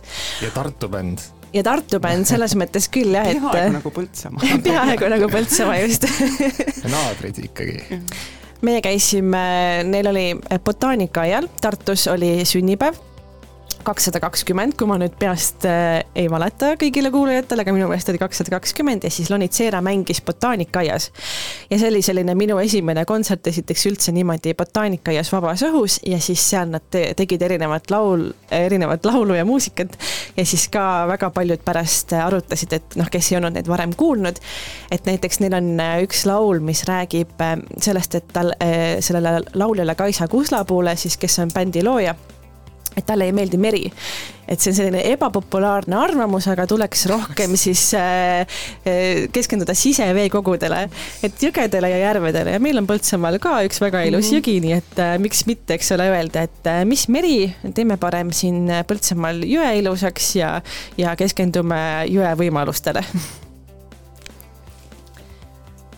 aga Kadri, räägi meile, millised on sinu, tegelikult äh, lugejad jah, kuulajad kindlasti juba teavad, nad on kuulnud raadiost, aga võib-olla neile, kes äh, ei ole veel äh, tuttavad, millega tegeled ja kuidas läheb?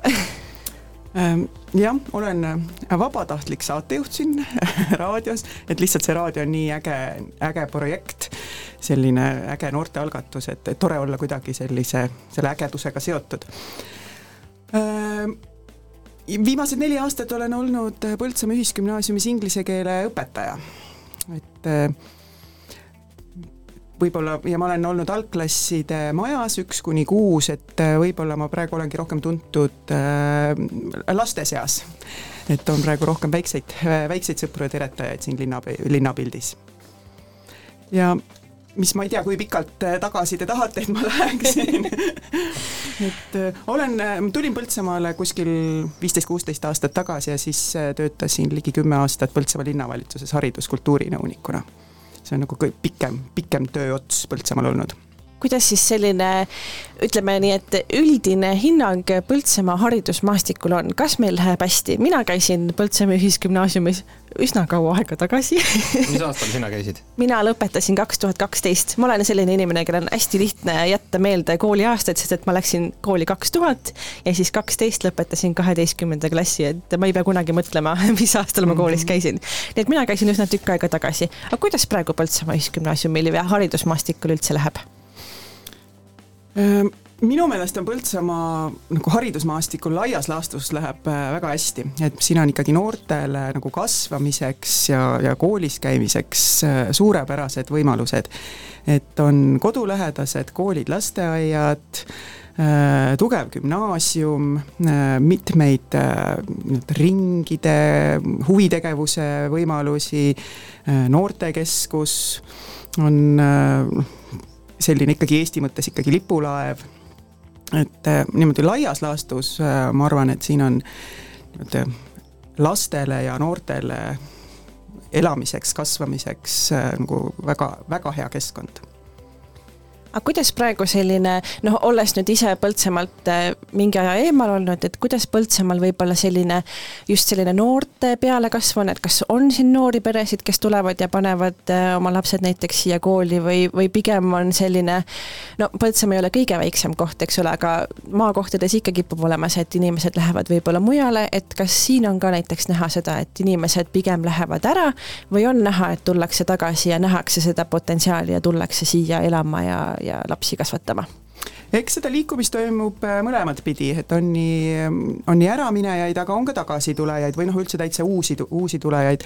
ja mis on no minu meelest rõõmustav ja võib-olla ka mõnes mõttes üllatav, et kui siin seda äh, haridus, hariduses ümberkorraldusi tehti ja prognoositi seda mm, noh, nende õpilaste arvu ja laste arvu, et siis on ikkagi pigem on nüüd on noh, probleemide ees, et lasteaiarühmad kipuvad täis saama ja et, et mis on tegelikult väga rõõmustav. et, et on küll, et lasteaedades on küll praegu palju lapsi nii et see on, see on muidugi, seda on tore kuulda. Ma, mina tahtsin küsida, kuna mina olen ise haridusmaastikult täiesti võõras, selles mõttes mitte, mitte päris võõras, küll seotud kõrgastme haridusega, aga aga siiski äh, juba piisavalt palju aega on keskkoolist möödas kahetsusväärselt, et ta ei, et võib-olla selles asjas nii palju sees ei ole. aga ma olen erialalt, olen äh, natukene seotud statistikaga ja statistilised andmed mulle seetõttu meeldivad. Ja, ja sellepärast ma, ma küsin teie käest võib-olla esimeseks küsimuseks äh, enda poolt, et millised need et iga-aastased, iga aasta tehakse igasuguseid pingeridasid.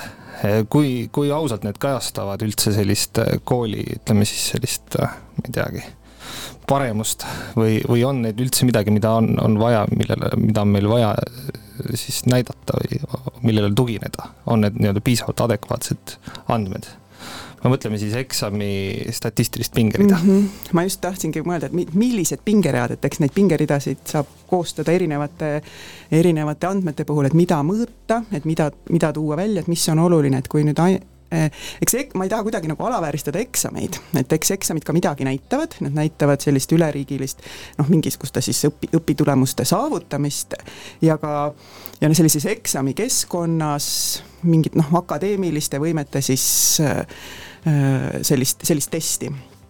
aga on ka palju igasuguseid muid pingeridasid, näiteks äh, kuidas on vilistlastel läinud, milline on ühe või teise äh, kooli vilistlaste, ma ei tea, keskmine sissetulek pärast viis aastat lõpetamist, kuhu keegi, kuidas, kuidas inimesed oma eludega toime tulevad, kas, kas neil on sellised mingid rahulolu uuringud et, et kindlasti see eksami, eksami tulemus on noh, midagi ta näitab, aga, aga koolis on väga palju muid asju, mida, kuidas siis kool saab ühe inimese sellist arengut ja elus hästi hakkama saamist toetada minu meelest kevadel oli üsna suur, või noh, kevadel, noh ikkagi jah, enne suve algust, kui oligi see kooli lõpetamiste periood ja niimoodi, et siis räägiti ka väga palju sellest, et tegelikult selliste pingeridade koostamine ja, ja üldse sellised äh, eksami tulemused näiteks põhikoolis tekitavad õpilastele väga palju stressi.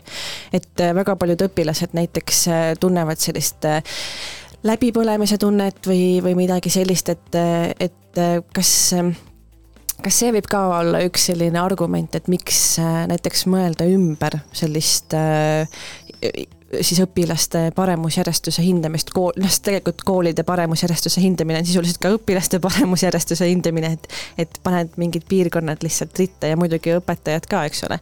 et kas see on selline lisastress, mis võib siis äh, tekkida inimesel, et, et mõelda, et appi, et kas minust sõltub see tulemus või midagi sellist mm? -hmm ma arvan, see sõltubki sellest noh, tulemuste tõlgendamisest, et siin ka praegu juba kõlas läbi, et justkui õpilaste paremus ja ka õpetajate mingi paremus, et noh, seda see, need riikliku eksami tulemused noh, kindlasti ei näita, et, et õpetajate panust noh, et need ei ole muidugi on ka nii-öelda koolipanust hinnatakse ka eraldi, et Haridusministeerium on ka noh, selliseid, selliseid, sellised andmed on ka kättesaadavus, aga et iseenesest see, kui palju mingis gümnaasiumis noh, õpilane, millise nii-öelda lähtepositsiooniga keegi on kuskil alustanud gümnaasiumiõpinguid ja kuhu ta siis on välja jõudnud, et seal see, see, see lihtsalt see riiklike eksamite äh, pingerida nagu seda, seda ei näita, et mis see, mis see panus on olnud, et mõnes, mõnes koolis, eliitkoolides on nagu olnud noh, väga hea stardipositsioon juba ja mõnes, mõnes teises koolis võib-olla on see,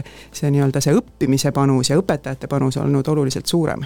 Nii et nende igasuguste pingeridadega peab olema jah väga ettevaatlik, et mida ta näitab ja mis, mis järeldusi sealt saab teha jah, see on minu meelest ka kooliti väga erinev selles mõttes, et kuidas õpilane on näiteks harjunud üldse sellise eksami või, või, või katsete pingega, et on ju koole, kus äh, juba esimesse klassi minnes tuleb teha katseid, et, et laps nagu kasvabki kogu aeg äh, sellises teadmises, et mingil hetkel peab ta siis äh, näitama oma sellist paremust, et kas ta nüüd saab sisse või ei saa, et, et mõnel, mõnedes koolides, noh, pealinnas eriti, kasvatatakse sisse juba tegelikult noh, täitsa alg, algklassidest, et mis tegelikult on ju noh, väikese inimese peale mõeldes ikkagi päris stressirohke. et ta ju tunneb ka seda vastutust, mõtle, kui ta ei saa sisse ma ei tea, ma oleks küll õnnetu, kui ma ei oleks esimesse klassi saanud sisse. ma ei tea, kas ma ei tea, kumma, kummale see rohkem mõjub, kas emale või, või siis lapsele? või isale või isale, jah. ma arvan miskipärast, et vanemad on need, kes äh, rohkem muretsevad selle eksami pärast kokkuvõttes esimese klassi lapse kontekstis no kindlasti. Aga luues äh, konteksti sellele küsimusele, siis äh, ma võtsin välja ka viimased aastate, ma eeldan, et need on gümnaasiumite siis äh, eksamite, noh, need ei ole nüüd eksamite tulemused, aga need on siis koolide pingeread, kus Põltsamaa Ühisgümnaasium on kaheksakümne viiendal positsioonil Postimehe andmete järgi siis kahe tuhande teisel aastal, ma ei tea, kas selle aasta tulemused on välja tulnud, vist mitte. vara vist veel, jah. aga see Covidi aeg on, on olnud paremad positsioonid. ma nüüd ei, jah, ma jään selles mõttes võlgu, siin äh, Postimees jääb ka hätta sellega, et, et ei tea ju, millised on need olnud need äh, keskmised eksami tulemused siis, et selles mõttes, et äkki on lihtsalt koolide üldtaseme muutunud paremaks või halvemaks, et seda siin nagu ei, selles, selles ülevaates ei kajastu. aga kahekümne esimesel aastal oli ta viiekümne seitsmendal positsioonil, kahekümnendal aastal kuuskümmend kuus ja üheksateist oli siis kuuekümne seitsmes positsioon. aga ütleme, kümme aastat tagasi on olnud ka, on ka olnud teise juba kolmekohaline number, nii et, et tegelikult on, on, on vahepeal olnud natuke parem. aga, aga, aga on olnud ka halvem. vähemalt selle Postimehe andmete põhjal aga noh, see ei ole kindlasti, nagu te ise ka ütlesite, see, mis näitab. aga üldiselt äh, tundub, et on Põltsamaa ikkagist äh, selline väga korralik gümnaasium.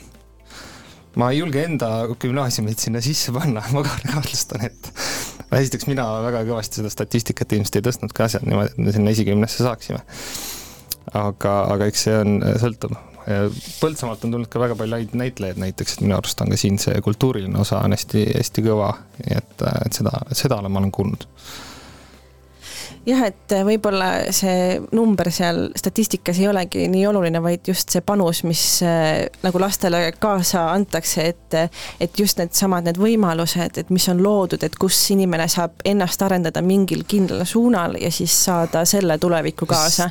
ja näiteks see annab ju tegelikult nii elukutse valikul kui ka noh, üldiseid selliseid kogemusi, mida siis elus kasutada, et minu meelest need on väga-väga suured Põltsamaal samas kahe tuhande kuueteistkümnes aasta, olles kolmekümnendate seas, on ka tegelikult päris hea tunne ilmselt.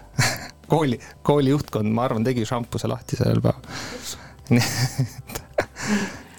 Et jah, võib-olla see, et mida näitavad nagu need mingisugused testid või eksamitulemused, mul praegu selle, selle jutu juures lihtsalt meenus üks ja see ei ole nüüd see ei ole nüüd gümnaasiumi tase isegi, kuigi gümnaasiumi tase on ka nagu minust nii-öelda noh, nagu üleval või et et, et minu noh, see õpetajana olen ju üks kuni kuus õpetanud ja, ja ma saan aru, et üks põhjus, miks mind siia kutsuti, on ka, et see õpp, tulevane õppejuhi roll, et see on ka siis noh, üks kuni üheksa. aga mul tuli veel üks uuring, ma ei mäleta nüüd, see oli ühest Ameerika tippülikoolist, kas see oli nüüd äkki Stanford või Harvard tehti ka vilistlaste uuringute järjest, et kuidas on läinud, et kas need eh, siis ülikooliaegsed mingid eksamitulemused või keskmine hinne, et kas see kuidagi siis korreleerub ka sellega, kuidas siis nendel vilistlastel on hiljem läinud ja seal ei olnud väga suurt korrelatsiooni, et nüüd need, kellel, kes olid siis akadeemilised edukamad, et need on siis ka nii-öelda päriselus löövad paremini läbi. mille vahel oli korrelatsioon, oli see, et kas nad olid aktiivsed, kas nad olid kuskil äh,, korraldasid midagi, kas nad äh, olid äh,, ma ei tea, äh, tegid esitlusi, esinesid, kui palju neil oli sellist äh, avaliku esinemise kogemust äh,, juhtimiskogemust juba, niisugust ettevõtlikkust, et selle vahel oli see korrelatsioon jah, ma võin, ma usun, et see, see on ka õiges ja see peab paika, sest et sest et äh, kui niimoodi mõelda, siis äh, need asjad, mis meil pärast gümnaasiumit vaja lähevad, need tööriistad, mida me saame kasutada, tihtipeale ei seisnegi niivõrd palju just nimelt faktiteadmistes, vaid selles meie oskustes ühiskonnas toimida ja, ja neid sinna rakendada, kuigi jah, matemaatika näiteks on, on ju lihtsalt loogika, loogika arendamine ja loogi-, loogi-, loogilise mõtlemise arendamine, mitte mingisuguste valemite pähe õppimine, vaid see on lihtsalt loogiliste järelduste loomine ja ühenduste loomine, aga no ja loomulikult ei, ma ei taha nüüd kuidagi nagu siukse nagu akadeemilise õppimise olulist vähendada, noh et üldse nendesse Ameerika tippülikoolid sisse saada, noh nad, nad seal kindlasti kõik olid väga akadeemiliselt nagu väga kõrgel tasemel. et aga, et see, see ei ole nagu see, see ainus, mis, mis ennustab siis äh, edu tulevikus. nii, aga mina kasutan ikkagi võimalust ära ja ma ei taha nüüd enam rääkida Põltsamaa koolist kui sellisest, kui haridusmaastikas toimuvast debatist, mis siis puudutab äh, eesti keelele üleminekut ja, ja, ja hariduskeele niisugust äh, muutmist või reformi kergelt, mis on, mis on toimumas. milline on teie hinnang sellele? kas minnakse liiga kiiresti üle eesti keelele, kas see on üldse vajalik eestikeelne õpe sellises ütleme siis, ütleme vene kogukonnas või siis kui me räägime siin näiteks Ida-Virumaast, et kas, kas selle pealesurumine, mis on selle võib-olla sellised head ja halvad küljed mm.? mina leian, et selle, et see on, on tagumine aeg see reform ära teha, et sellega on no, et sellega on venitatud ja ja selles mõttes, et nagu hoida kahte eraldi haridussüsteemi ühes väikses riigis, et see et see, see on mõttetu ja noh, ja kuna ka need äh, siin statistikast ja tulemustest rääkisime, et siis, siis tegelikult me noh, noh justkui tundub, et see on nagu surumine, justkui selliste venekeelsete koolide nagu noh, võib-olla siis nagu, nagu ahistamine hetkel, vaid nendelt oodatakse nüüd mingisuguseid muutusi, aga samas see on ka nende huvides, et sealt need, needsamad tulemused, mis millest me siin enne rääkisime, et, et, et noh, riik teab, et on halvem, kuskil on ühes süsteemis nii-öelda on harvem, halvem hariduse kvaliteet, et siis ei ole mõtet seda, seda süsteemi nii-öelda noh, nagu taastoota, elus hoida, et see reform tuleb küll ära teha, jah mm. -hmm. ja ja teine teema, mis põletab praegu ja mis on, mis on põletanud võib-olla aasta, on, on õpetajate palga küsimus et äh, kas õpetajaid on täna piisavalt rahastatud või kas meie haridusvaldkond on piisavalt rahastatud, et anda kvaliteetset haridust noortele? no ma arvan, et õpetajate palga osas on äh, noh, nagu trend positiivne, et nüüd ikkagi see viimane palgatõus oli, oli täitsa arvestatav ja et siin noh, nüüd siin on oluline seda, seda jätkata, et see ei oleks selline nii-öelda ühekordne nii-öelda järje peale aitamine või siis sellele keskmisele palgale lähemale aitamine, vaid et see, et äh, see peabki, see peabki äh, jõudma. et äh, teiste kõrgharidusega, magistrikraadiga spetsialistide keskmise palgaga võrdne palk peaks olema õpetajatel. ja sinna on veel pikk tee minna. aga palk on selline motivaator üldse õpetaja jaoks mis, mis võiks, ütleme, õpetajate puudus on ka jällegi üks, üks teema, millest on palju räägitud, et kas see palk on see, mis aitab äh, meid äh, nii-öelda järje peale ka selles osas, et tuleb uusi õpetajaid juurde jah, et just ju on käimas ka see või noh, enne kui sisseastumiskatsed ülikooli lõppesid, oli käimas see kampaania, et me otsime sind, Eesti õpetaja, et, et kas meie piirkonnas, kuidas siin tunne on, et kas on, kas on õpetajate puudus, kas on praegu otsitakse kedagi või pigem on need inimesed, kes tulevad ja soovivad õpetada? Mm -hmm. ma alustan võib-olla siis Kristjani küsimusele kõigepealt vastamist, et kas see palk on nagu see, mis motiveerib. et Äh, ma arvan, see palk on nagu hügieenifaktor, vaid noh, et see peab olema nagu noore inimese jaoks ikkagi noh, arvestatav palk, et ta noh, tahaks siduda selle elukutsega enda, enda tulevikku. aga kindlasti see ei ole ainukene, et see on ka niisugune nagu töökeskkond või et mis, milline see, see õpetaja töö on, kuidas seda õpetajat toetatakse, milline see koolikultuur on, et kas see on nagu kas see on nagu tore keskkond, kus, kus tööd teha või, või siis ei ole nii tore keskkond, et kus on noh, ma ei tea, jäetakse õpetaja üksinda igasuguste jamadega tegelema ja et ongi ootus, et õpilased, õpetajad on nagu kangelased ja kes peavad igasugustest olukordadest välja ujuma, et et ma arvan, siin on väga palju ka sellist jah, nagu koolikultuuri ja niisugust juhtimise küsimust nii, ja teine küsimus oli, nüüd mul läks meelest ära. et kuidas meie piirkonnas on, et kas on Aha, õpetajaid puudus, kas me otsime kedagi või on ikkagi niimoodi, et, et on neid inimesi, kes soovivad tulla ja, ja lapsi ja noori harida? Ehm, nii ja naa, et on no selles mõttes, et, et ega Põltsamaa ei ole selles mõttes ka erinev, et see, see õpetajate puudus kimbutab ka, ka Põltsamaad, et et äh, konkursse on üleval, äh, mõned kohad õnnestub, on õnnestunud täita, aga on ka selliseid, mõnda õpetajat ikkagi otsitakse ja, ja ka tugispetsialiste on raske leida, et logopeede, psühholooge, et et äh, selles haridusvaldkonnas jah, ma usun, et no ma olen selles mõttes optimistlik, et kui ma nüüd lugesin ka siin selle aasta neid ülikooli, need populaarsete erialad, et siis siis kui vahepeal õpetajaks õppima minema soovijaid oli ikkagi noh, üsna vähe, et siis praegu tundub, et on nagu noorte seas jälle muutumas populaarsemaks see eriala, et noh, mis, mis mis sisendab sellist optimismi, et isegi kui veel neid, neid hetkel ei ole, aga et tõenäoliselt et see noh, natukene ma loodan, et seal tuleb leevendust ka sellele õpetajate puudusele jah, et tuleb ilus, ilus missiooniga töö iseenesest ju, et ma.... jah, et tuleb nüüd ära oodata see õppimisperiood, et, et inimesed ikkagi ilusti kooli lõpuni ka vastu peavad, kes kõik sisse astusid, et et see ära teha. aga võib-olla selle missiooniga töö kohta ma võib-olla küsingi, et et aga kuidas endal tuli see soov õpetajaks saada, et mis võib-olla on see, kuidas inimene jõuab selle õpetaja kutsumuseni?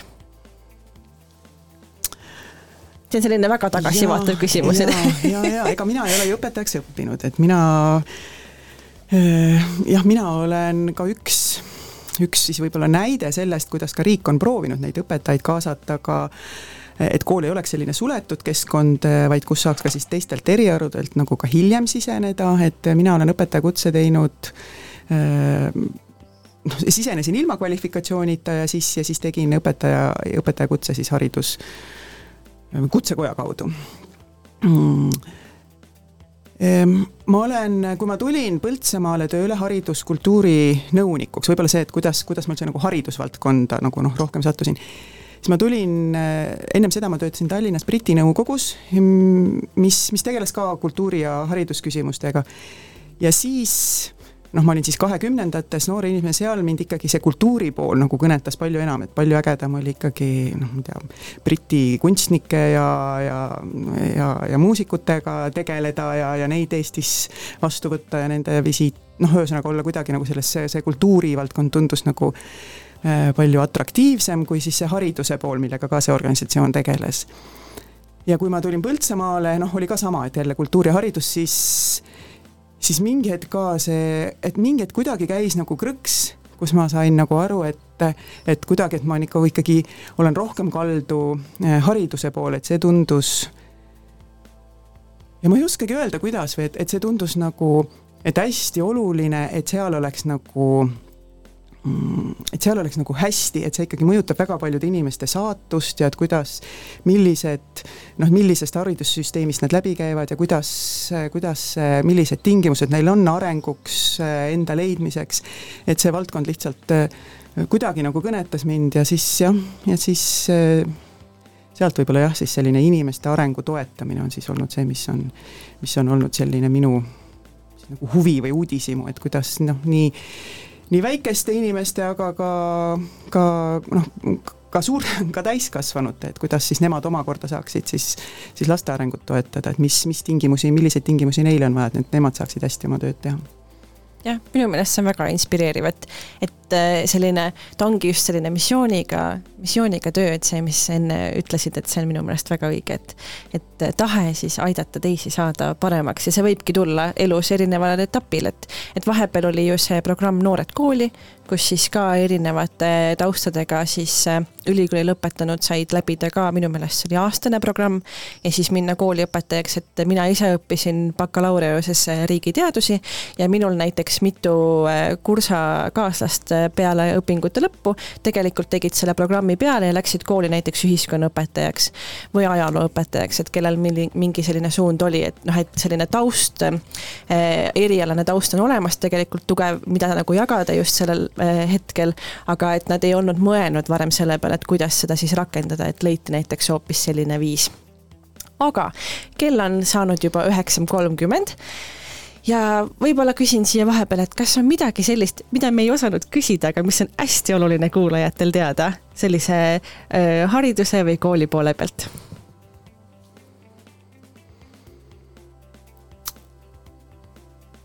või siis suutsime just... siin niimoodi arutelu ja, käigus kõik nagu olulisemad punktid. haridusvaldkonnas, mis on, no lihtsalt võib-olla siis see, et ma et ma väga imetlen neid inimesi, kes, kes hariduses toimetavad, et nad on, on suure südamega inimesed see on ilus äh, punkt siia selle teema lõpetuseks.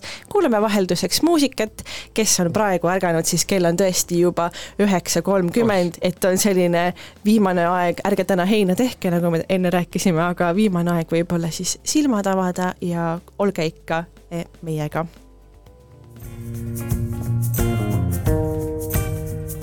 thank you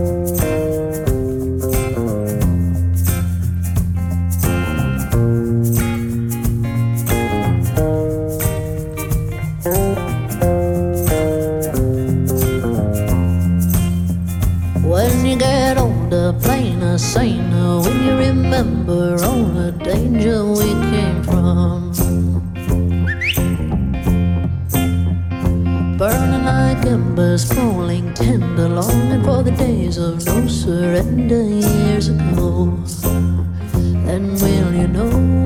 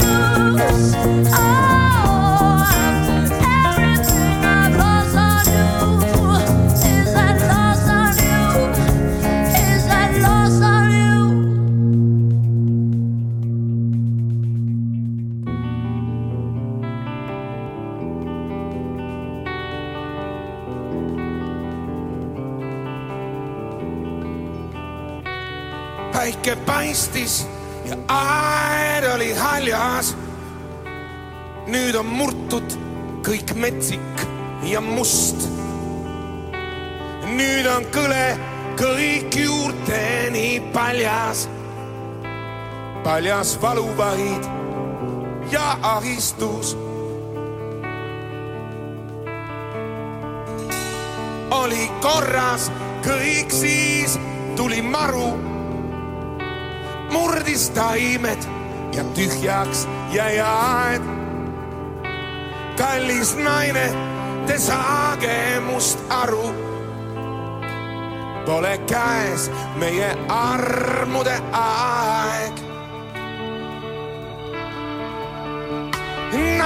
Oodake, oodake veidi.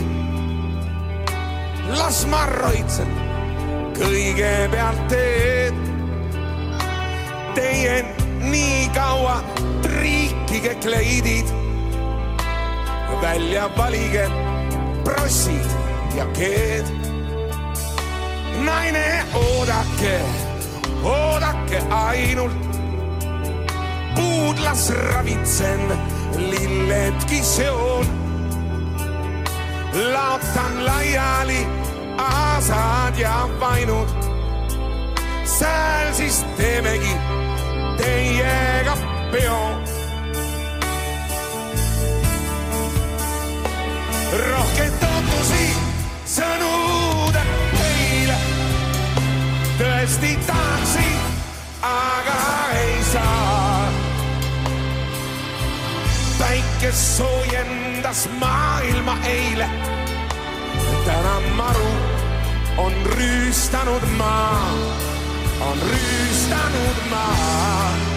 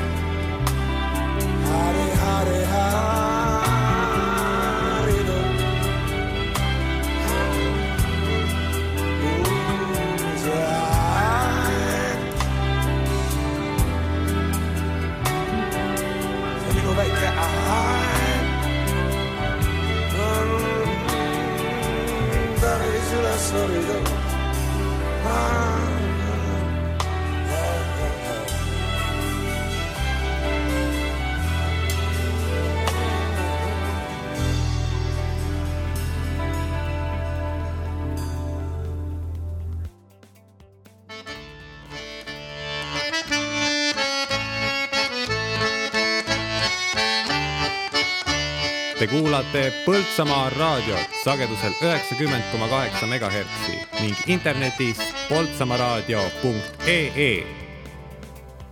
ja tere tulemast tagasi, Põltsamaa raadio kuulajad Äh, kuulasime äsja kahte toredat äh, laulu, esimene neist oli LP Lost on you, kes soovib seda enda playlist'i panna, siis saate siit nime. ja teiseks looks oli Tõnis Mägi Aed. Praegu sellisel suvisel ajal on tegelikult ju ääretult ilus jalutada ringi, eile ka jõudsime siia minu vanemate koju, käisime kohe marjapõõsaste vahel, sõime mustsõstraid, punasõstraid, kirsse, et nagu meeletult, meeletult ilus aeg on. Aga tegelikult äh, sellises äh, linnapildis, äh, nagu ka Põltsamaal meil siin on, on üheks teemaks elurikkuse hoidmine. et näiteks, kui ma nüüd vaatan siia lossihoovi, mis on väga ilusti korda tehtud, siis varem siin oli selline muruplatsuur, aga nüüd on tehtud sellised lillealad, ma arvan, et mesilastele ja teistele need õied väga meeldivad. aga kuidas sellise linnas elurikkuse hoidmisega on, et et ma olen kuulnud, et Põltsamaal on ka nüüd äh, mingisugused äh, kindlad haljasalad, kus siis püütakse seda hoida, et Kadri, kas sa äkki oskad sellest rääkida? Ma oskan niimoodi ääri-veeri rääkida, et see on, see on iseenesest niisugune teema, mis, mis pakub mulle huvi. Äh, ma arvan, kust see teema on tulnud üles, et meil on Põltsamaa halduses on uued, uued juhid ja kes on julgemalt seda niitmist äh, vähendanud ja eks see on siis äh, tekitanud äh, kirgi ja küsimusi, et kuidas oleks õige, et millis, kuidas peavad olema siis linna haljasalad hooldatud, et ja noh, et see on, see on võib-olla siis see, see teema, et on, on inimesi, kes kellele see on väga võõras, et, et muru asemel äh, on kas, kas üldse midagi muud või, või on, või on lihtsalt muru harvem niidetakse, et ja ja eks, eks see on, ma arvan, et see on need äh, samme, et kuidas nüüd edasi minna või, või mis, mis on nagu, milline siis see võiks olla, see niisugune siis see haljasalade hooldusrežiim siis, et, et siin on veel kogukonnas niisuguseid arutamise, arutamise kohtasid, et mis, mis, mis tundub nagu siis selline, selline sobiv. aga kas see Põltsamaal siis selline niitmise vähendamine, kas see pigem on tulenenud eh, noh, kui, kui on nüüd teada, eks ole, et ma saan aru, et, et ei pruugi see vastus eh, olla teada, aga et kas see on pigem sellistest eh, kulu kokkuhoid, et meil ei ole vajalik seda teha või on see pigem selline, et me soovime, et siin kasvaksid erinevad taimed ja, ja putukad. et kumb, kumb see selline võib-olla see eesmärk on? No võib-olla seal on natukene ühte ja teist, ma arvan, et nagu, nagu laias laastus see mm, noh, see kulu kokkuhoid, noh loomulikult, et bensiini kulub vähem ja, ja, ja töötunde võib-olla vähem, aga noh, ma arvangi just, et noh, et, et et igasugused haljasalad vajavad äh, hooldust, et, et, et ta ei pruugigi nagu, nagu kulude mõttes tulla, äh, tulla nagu suur kokkuhoiukoht. aga tead, ma praegu tunnen, et ma natukene räägin kellegi teise eest. ja ma just mõtlesingi, et, et see ei peagi olema selline lõplik vastus, aga võib-olla siis selline arutelu küsimus on, et tegelikult selliste haljasalade siis vähesemat niitmist ja, ja elurikkuse kuvandi all selle hoidmist on tegelikult ju mitmetes linnades. paar päeva tagasi, see oli nüüd üleeile minu teada, tuli Tallinnast uudis, et nemad näiteks mingitel kohtadel, kus nad plaanisid äh, mitte niita, hakkasid niitma ja see oli sellepärast, et seal hakkas lihtsalt kasvama tavaline malts mm -hmm. ja naat ja need äh, vohavad ja võivad tulla ka mingisugused äh, sellised muidu kultuurid, mille, mida siis püütakse nii-öelda kontrolli all hoida, et nad ei hakkaks levima. et ja nemad siis otsustasid ikkagi ära niita need alad, mis nad olid plaaninud nagu jätta, et nagu niiduks. et, et võib tulla ka selliseid probleeme ette, aga jah, selline Eh, liikumine kui selline on jah, mitmetes linnades laiali läinud, et nii Tartus kui Tallinnas kui ka muudes linnades, et aga samas ma jäin nagu mõtlema, et Põltsamaa on üsna selline aedlinn, et siin on väga paljudel inimestel oma aiad, et eh, võib-olla sellist elurikkuse puudust siin nagu ei tohiks olla, et putukal ikkagi on ju see koht, kus, kus näiteks jõe ääres pesitseda või niimoodi, et et pigem mulle endale tundub, et võib-olla siis, et, et ma ei ole neid nä-, haljasalasid näinud, mis on nüüd niitmata jäetud, aga et tundub pigem selline, et et kas meil on nagu vaja seda lisaks tekitada, et siin nagu looduslikul tasandil tundub üsna palju olevat elurikkust mm. -hmm. ja, et ma olen ma olen selles mõttes nõus, et, et Põltsamaa on roheline linn ja mina äh, oleks ka noh, arvanud, et siin see noh, pole nagu üldse mingisugune teema, et kas me üldse noh, et me võiksime ikka jah, peaaegu nagu vaibaks lasta kõik murualad ja et mitte siin muretseda. aga mind pani ka mõtlema näiteks Põltsamaa gümnaasiumi bioloogiaõpetaja Aire Naritsa üks niisugune nagu noh, jutt või et tema on teatud klassiga, ma ei mäleta nüüd, mis, mis klass see oli, aga käib äh, siis regulaarselt mingil ajal äh, sitikaid ja, ja, ja liblikaid ja ma nüüd täpselt ei mäleta, mis asju, mingisuguseid putukaid äh, nagu vaatlemas või otsimas ja tema on küll öelnud, et aasta-aastalt nad peavad koolimajast kaugemale minema, et leida leida seda, mida nad otsivad et mis noh, mis on ikkagi ka märk sellest, et me noh, et, et tegelikult see on ka teema mingil määral ikkagi ka Põltsamaal, et et kui palju neid pargialuseid äh, on, on niidetud ja, ja ja, ja ka aedades võib-olla, et äh, ju nüüd robotniidukid ju teevad väga, väga puhta töö ära ja et võib-olla ka need on siis selliste äh, putukate-mutukate elukeskkonda teinud keerulisemaks jah, et äh, ma tahtsin siia vahele öelda, et sellise äh, putukate ja et, et, et mis äh, näiteks oma aias kasvab, et siis juuni alguses tavaliselt on üle-eestiline loodusvaatluste maraton, kus siis kahekümne nelja tunni jooksul siis inimesed saavad kõik, kas siis enda koduaias või enda metsas või kus iganes üles otsida erinevaid liike ja putukaid ja siis need sisestada äppi. ja sel aastal juuni alguses see jälle toimus ja teemaks oligi eluaed, et paluti siis inimestel oma aedades äh, siis loendada neid putukaid, kes seal elavad, et näiteks selline võimalus on ka, et see hiljem see statistika kogutakse kõik kaardi peale ja seal siis kõik saavad näha, et kus piirkonnas mingid taimed ja putukad elavad mm. -hmm et, et see selline jah, selline jälgimine, et kes kus elab, et see on interaktiivselt ka täiesti võimalik, et see on selline äge asi, mida tehakse. nii, aga Kristjan, sa tahtsid midagi öelda?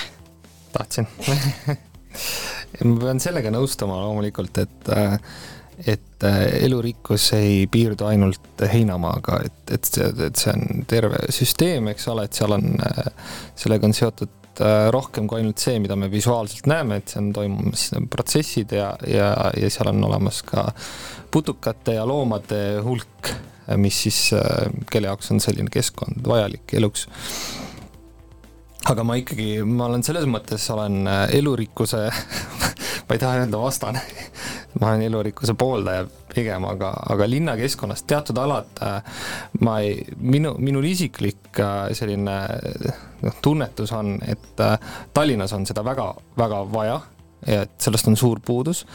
Äh, ma, ma Põltsamaa kohta ei oska öelda, kuna ma ei ole nii palju nagu Põltsamaal niimoodi nagu sellise, sellise pilguga ringi käinud, aga Tartu puhul ja kindlasti kõik, kes Tartust on, nüüd, nüüd tõusevad püsti, aga aga Tartu puhul ma arvan, et seda ei ole vaja jällegi sest et äh, ja eriti Tartu näiteks, noh, Tartu vald propageerib seda, eks ole, ja nii edasi, et et Tartu puhul on meil olemas kesklinna pargid, mis võiksid näiteks olla mõeldud äh, pikniku pidamiseks, eks ole, istumiseks, aga praegu see ütleme, kui on põlvest kõrgem hein, siis seda on üsna raske teha. mingil määral me nagu justkui ütleme visuaalselt vähemalt peletame inimesed parkidest eemale just nimelt, et sa ei saa seal ju noh, loodus saab seal olla, aga inimene seal nagu koos eksisteerida on nagu raske. et sinna tekki sa sinna selle heina sisse ei pane, isegi kui sa paned, siis sa ju rikud seda keskkonda, mis seal on ja siis ta näeb lihtsalt välja selline nagu ära tallutud ju selline heinamaa, mis ei ole ka, ei ole nii-öelda praktiline ega ka visuaalselt ilus, eks ole et ütleme, Tartu kesklinna parkide mõttes ma ei, ei, ei, ei rakendaks seda elurikkust sellisel viisil, võib-olla siis kui äh, nende väikeste selliste saarekeste näol, mis on minu arust ägedad. et kus on nagu hästi mitmekesine selline, äh, mitmekesine kultuur, eks ole, on pandud mingisuguse väiksema sellise saarte juppide peale, nimetatakse siis tihtipeale ka vist äh, ma ei tea, mesilaste puhke, puhkealadeks või kuidagi, et kus sa saab, kus saab mingi väike putukas maanduda ja siis seal nagu tegutseda, eks ole. ja siit, et see oleks mingi niisugune sümboo-, sümbioos, et oleks nagu mõlemad pooled oleks nagu rahul.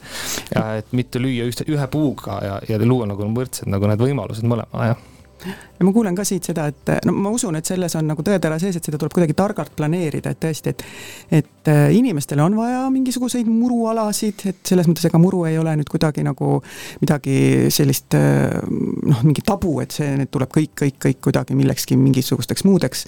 et tõesti, aga et noh, et seda tulebki siis jah vaadata, et kus kohas, kus kohas inimesed armastavad äh, piknikku pidada, et mida nagu inimesed nagu noh, päriselt kasutavad ja, ja mida ei kasutata nagu noh, selles mõttes äh, mingisugused murualad, mida noh, kus kunagi keegi ei, ma ei tea, mida ei tehta, ühtegi sammu ei, keegi ei tee, noh, kui ma näiteks enda aeda olen planeerinud, siis ma ka mingi hetk mõtlesin selle peale, et on, et on mingisugune üks nurk, kus ma suve jooksul käingi ainult muruniidukiga, et muidu ma sinna nagu üldse praktiliselt ei satu, aga siis ma teen seal kõige rohkem samme selle muru peal, ma teen siis, kui on niiduk, et noh, et siis noh, siis see tundus, et see no võib-olla ei pea seal, et kui ma seal niikuinii üldse ei käi, et siis, et ja ma arvan, et eks see on samamoodi ka eh, noh, selliste suuremate linna selliste alade planeerimisel, et jälgida nagu, et kus kus, kus inim-, millises, milliseid murualasid inimesed nagu kasutavad, kus on nagu oluline seda muru hoida ja kus on siis võib-olla jah, need, need platsid või saarekesed või et kus on nagu täitsa okei okay,, kus, kus on siis midagi muud.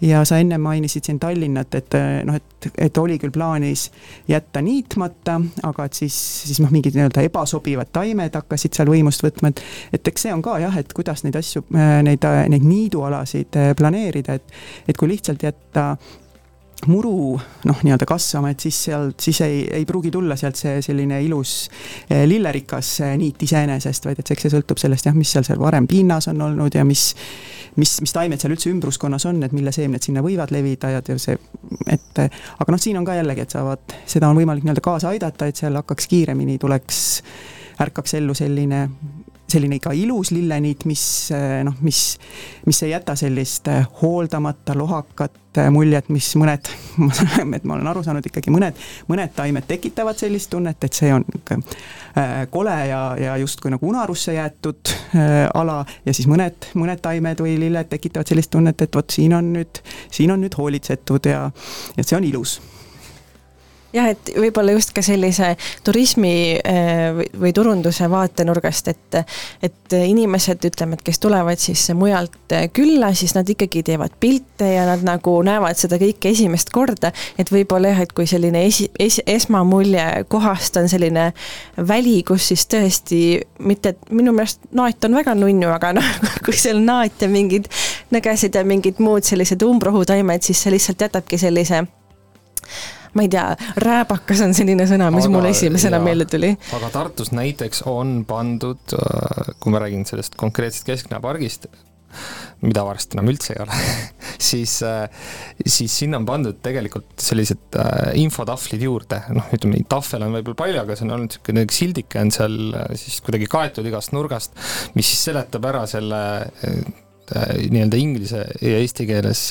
miks seda ala ei niideta või mm -hmm. et need ühesõnaga seal on need nagu selgitavad tahvli juures, varem neid ei olnud, ma vaatasin, et see aasta on need tekkinud, ilmselt on täpselt samamoodi küsimused, et et mis toimub, et kas meil ei ole raha siis, et tõesti nagu kesklinna korras hoida, et vaid siis on nagu siis pandud sellised selgitavad tahvlid äh,, aga jah, et, et see noh, korratuses peab ka mingi kord olema, et, et ei saa täpselt nagu ennem oli, et, et nagu, et naet ei saa ainult üksinda vohada seal, et, et seda kultuuri kultuuri peab ka kuidagi suunama või natukene nagu niimoodi aitama sellele mitmekesisusele ise kaasa. ja ma olen täiesti nõus, et see peab olema kuidagi nagu läbimõeldud ja teadlik tegevus, et et noh, et lihtsalt, et ärme nüüd niida, et see on nagu noh, see on nagu niisugune hea algus ja tekitab niisuguse diskussiooni, et, et, et millist niisugust keskkonda siis või niisugust rohealade keskkonda me soovime et aga jah, et see, see peab kas olema kuidagi nagu läbi, läbimõeldud, et kus midagi on ja ka jah, ja see teavituspool, et ma ise äh, sel suvel olin Rakveres, et seal oli ka üks äh,, sattusin ka teed ületamas ühes sellises toredas kohas, kus ühele poole oli selline ilus muruvaip ja teisel pool oli minu meelest sama ilus äh, selline niit või kus olid sellised päris kõrged lillad, sinised äh, lilled õitsesid, ma ei, ma ei tea nende nimesid, aga, ja seal oli ka teavitussilt, et miks, miks Rakvere sellist asja katsetab ja et, et ma arvan jah, ma arvan, et see on ka oluline ja noh, selge on see, et et noh, see trend on sinnapoole, et nagu mõelda läbi, et kas see muru on ainuke standardlahendus linnahäljastuses või noh, või on ka mingisuguseid muid alternatiive. et kui linnavalits, kui ma töötasin linnavalitsuses, siis mingi aeg oli ka isegi linnavalitsusel kehtestatud see ka era siis maadel, et kui, kui kõrge tohib olla rohi, et millal nagu, millal võis teha siis omavalitsus nagu ettekirjutuse, et vot sinu muru nüüd on juba üle viieteist sentimeetrit, see enam ei, see enam ei ole okei. Okay.. et noh, et sellised asjad on ka ära kadunud, et noh, et selles mõttes, et see ka nii-öelda avalik sektor ei, ei survesta nii, nii tugevalt nüüd seda, seda, seda, selle muru äh, kõrgusega tegelema jah, mul tuli ka just meelde, et, et näiteks Nõmmel on ka väga karmid tingimused Tallinnas, et milline see muru võib siis inimestel aias olla ja seal on naabrid väga altid ka kaebama, nagu ma olen kuulnud. aga minu meelest ka inimesed ise on hakanud rohkem mõtlema selle peale, et et nende aias oleks neid lilli, kus siis mesilane saab peatuda ja seda nektarit korjata ja putukad elada, et et minu meelest selline loodusteadlikkus üldiselt on ka nende haljasalade hoidmisega eh, tekkinud ja selline teadlikkuse tõstmine on minu meelest väga positiivne asi, mis sellega kaasnenud on. et ei pea olema nii, et ainult kohalik omavalitsus seda hoiab, vaid tegelikult meil on igaühel panus äh, siis looduse ja liigirikkuse äh, hoidmise jaoks äh, võimalus anda. jah, ja hea võimalus oleks seda reklaamida toimuva ralli raames me ennem eetriväliselt rääkisime ühest huvitavast näitest, kus ERM-i ümbrus on, on rallieelselt aetud täiesti paljaks sellest ilusast niidust ja, ja käis ka läbi mõte, et võib-olla see oli see aastane planeeritud niitmine, aga juhuslikult sattus siis äh, sellise suure, suure rahvusvahelise ürituse eel, eel toimuma ja, ja, ja siis äh, noh, jätab vägisi mulje, et tegelikult me isekeskis seda asja propageerime, aga välja ei julge väga reklaamida. Ja, ja ei julge ka teistele seda asja võib-olla siis nagu sisuliselt põhjendada, et, et lihtsam on lihtsalt äh, maha niita ja, ja, ja siis näidata, et kõik on justkui nii-öelda ütleme siis globaalsetele standarditele standarditele siis nii-öelda vastav. et äh, sirget selga äh, WRC ralli korraldajatele ja näidake see niit siis ükskord ette ja, ja siis aja ajaga pärast siis paljaks, kui tahate. et siis on vähemalt, äh, vähemalt olete nagu seda, selle asjaga nagu lõpuni läinud, muidu jääb selline natukene selline teistsugune mulje jah, et sirgelt selga ja hoiame loodust, aga meil on väga põnev eh, tunnike olnud jutustada siin koos Kadri Suniga, kell ongi märkamatult eh, saanud kümme, meil on uudisteaeg. Suur,, suur-suur aitäh, et eh, tulid meiega hommikuprogrammi Põltsamaa inimestega jutustama. suur tänu. ja nüüd kuulame uudiseid.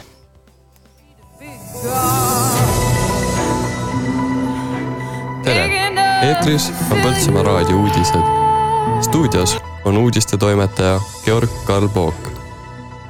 Põltsamaal väljastati luba Kesktänaval asuva endise Coop kaupluse hoone lammutamiseks. järgmisel nädalal toimub lossihoovis etendus Doktor appi. Põltsamaa vallas teiseldati eramaadel asuvad pakendi kogumiskohad. järgmisel nädalal toimub Kamari supifestival. jätkab Kätlin Toom Põltsamaa vallavalitsus väljastas Jõgeva majandusühistu taotluse alusel juuni lõpus ehitusload Põltsamaa linnas. Kesktänav kaks Coop kaupluse lammutamiseks, Puurmannis Jõgeva maantee üks kinnistule uue Konsumi ehituskeskuse rajamiseks ning Lustivere kaupluse ümberehitamiseks. Põltsamaa Kesktänav kaks kinnistul on plaanis lammutada kolm hoonet, kaupluse hoone, garaaž ja ladu. lammutustööd on planeeritud käesoleva aasta sügisesse räägib Jõgeva majandusühistu haldusjuht Guido Põldkivi. praegu hetkel sinna kinnistule midagi plaanitud ei ole. meil ei ole isegi praegu nägemust, mis sinna üldse tulla võiks. kuna meil on seal ringi peal ka üks kinnistu ja praegu me kaalume, et võtaks hoopis selle kinnistu nagu sinna uus, uus kauplus peale ehitada. esmaspäeval seitsmeteistkümnendal juulil etendatakse Põltsamaa lossihoovis ameeriklase John Patricku komöödiat Doktor appi. lavastus kirjeldab tüüpilist eestlast, kes kannatab lõputut valu ja vaeva, enne kui viimases hädas arsti juurde läheb. pääsmed on müügil piletimaailmas hinnaga kakskümmend kaks eurot. Põltsamaa vallas toimusid jäätmemajanduse ümberkorraldused, mille käigus teisaldati eramaadel asuvad pakendikogumiskohad nüüdsest asuvad need avalikult kasutatavatel munitsipaalmaadel. teisaldamisele kuulusid Uuna tänav kaks ja viis ning Lossi tänav seitse aadressitel asunud kogutid. uued asukohad on Pärna tänav kaks, Allika tänav ja Hermanni ning pargi ristmik. kamarisupi festival toimub laupäeval, kahekümne teisel juulil. üritusel pakuvad suppe kokku ligi viisteist meeskonda. toimuvad suppide valmistamise töötoad, mida viivad läbi Liia Lust Kati Eensalu ja Urmo Hinn. parima supi valib žürii, kuhu kuuluvad Priit Kuusk ja Emmanuel Ville. publik saab valida oma lemmiksupi. päeva jooksul toimub Ave-Nahkuri tööde näitus. kohapeal saab soetada kunstniku teoseid. päeva juhib spordiajakirjanik Marko Susi. kell viis toimub kontsert, kus astub üles artist Alma. kell kaheksa esineb folk-rock punkbänd August URR. räägib päeva korraldaja Vaike Niklus. supi valmistamise töötoad on nagu täiskasvanutele. lastele on äh, töötoad, üks töötuba on äh, pitsa valmistamise töötuba, mis on tõesti ainult lastele ja teine on pulgasaia tegemine. kindlasti ilus ilm saab kõige määravamaks, hea muusika, head supid.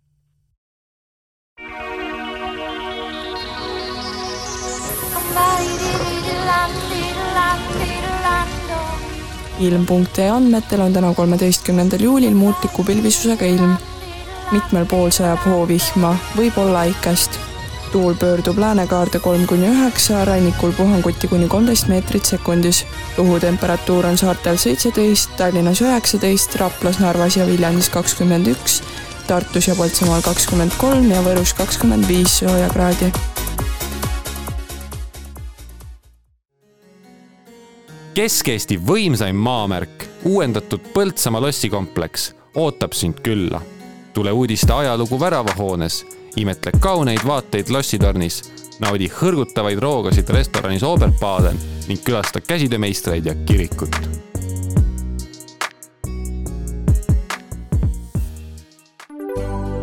juustu kvaliteet sõltub sellest, kus juustu tehakse. Põltsamaal osatakse juustu teha seal hinnatakse kvaliteeti. Põltsamaa Eesti juust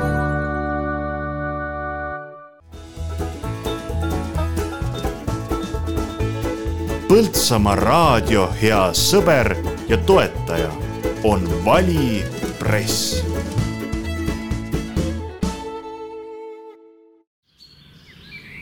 suvi, päike ja muidugi Põltsamaa valla sõnumid üks kord nädalas ilmuv sisukas sõnumitooja hoiab sind kursis olulisega. vaata lisa pvs.ee. kas sina teadsid, et järgmine üldtantsupidu toimub aastal kaks tuhat kakskümmend viis? tahaksid ka peol tantsijana osaleda, siis tule juba sel sügisel rahvatantsutrenni. Põltsamaa kultuurikeskuses segarühm Tulihänd ootab sind vaata lisa Facebooki lehelt Tulihänd.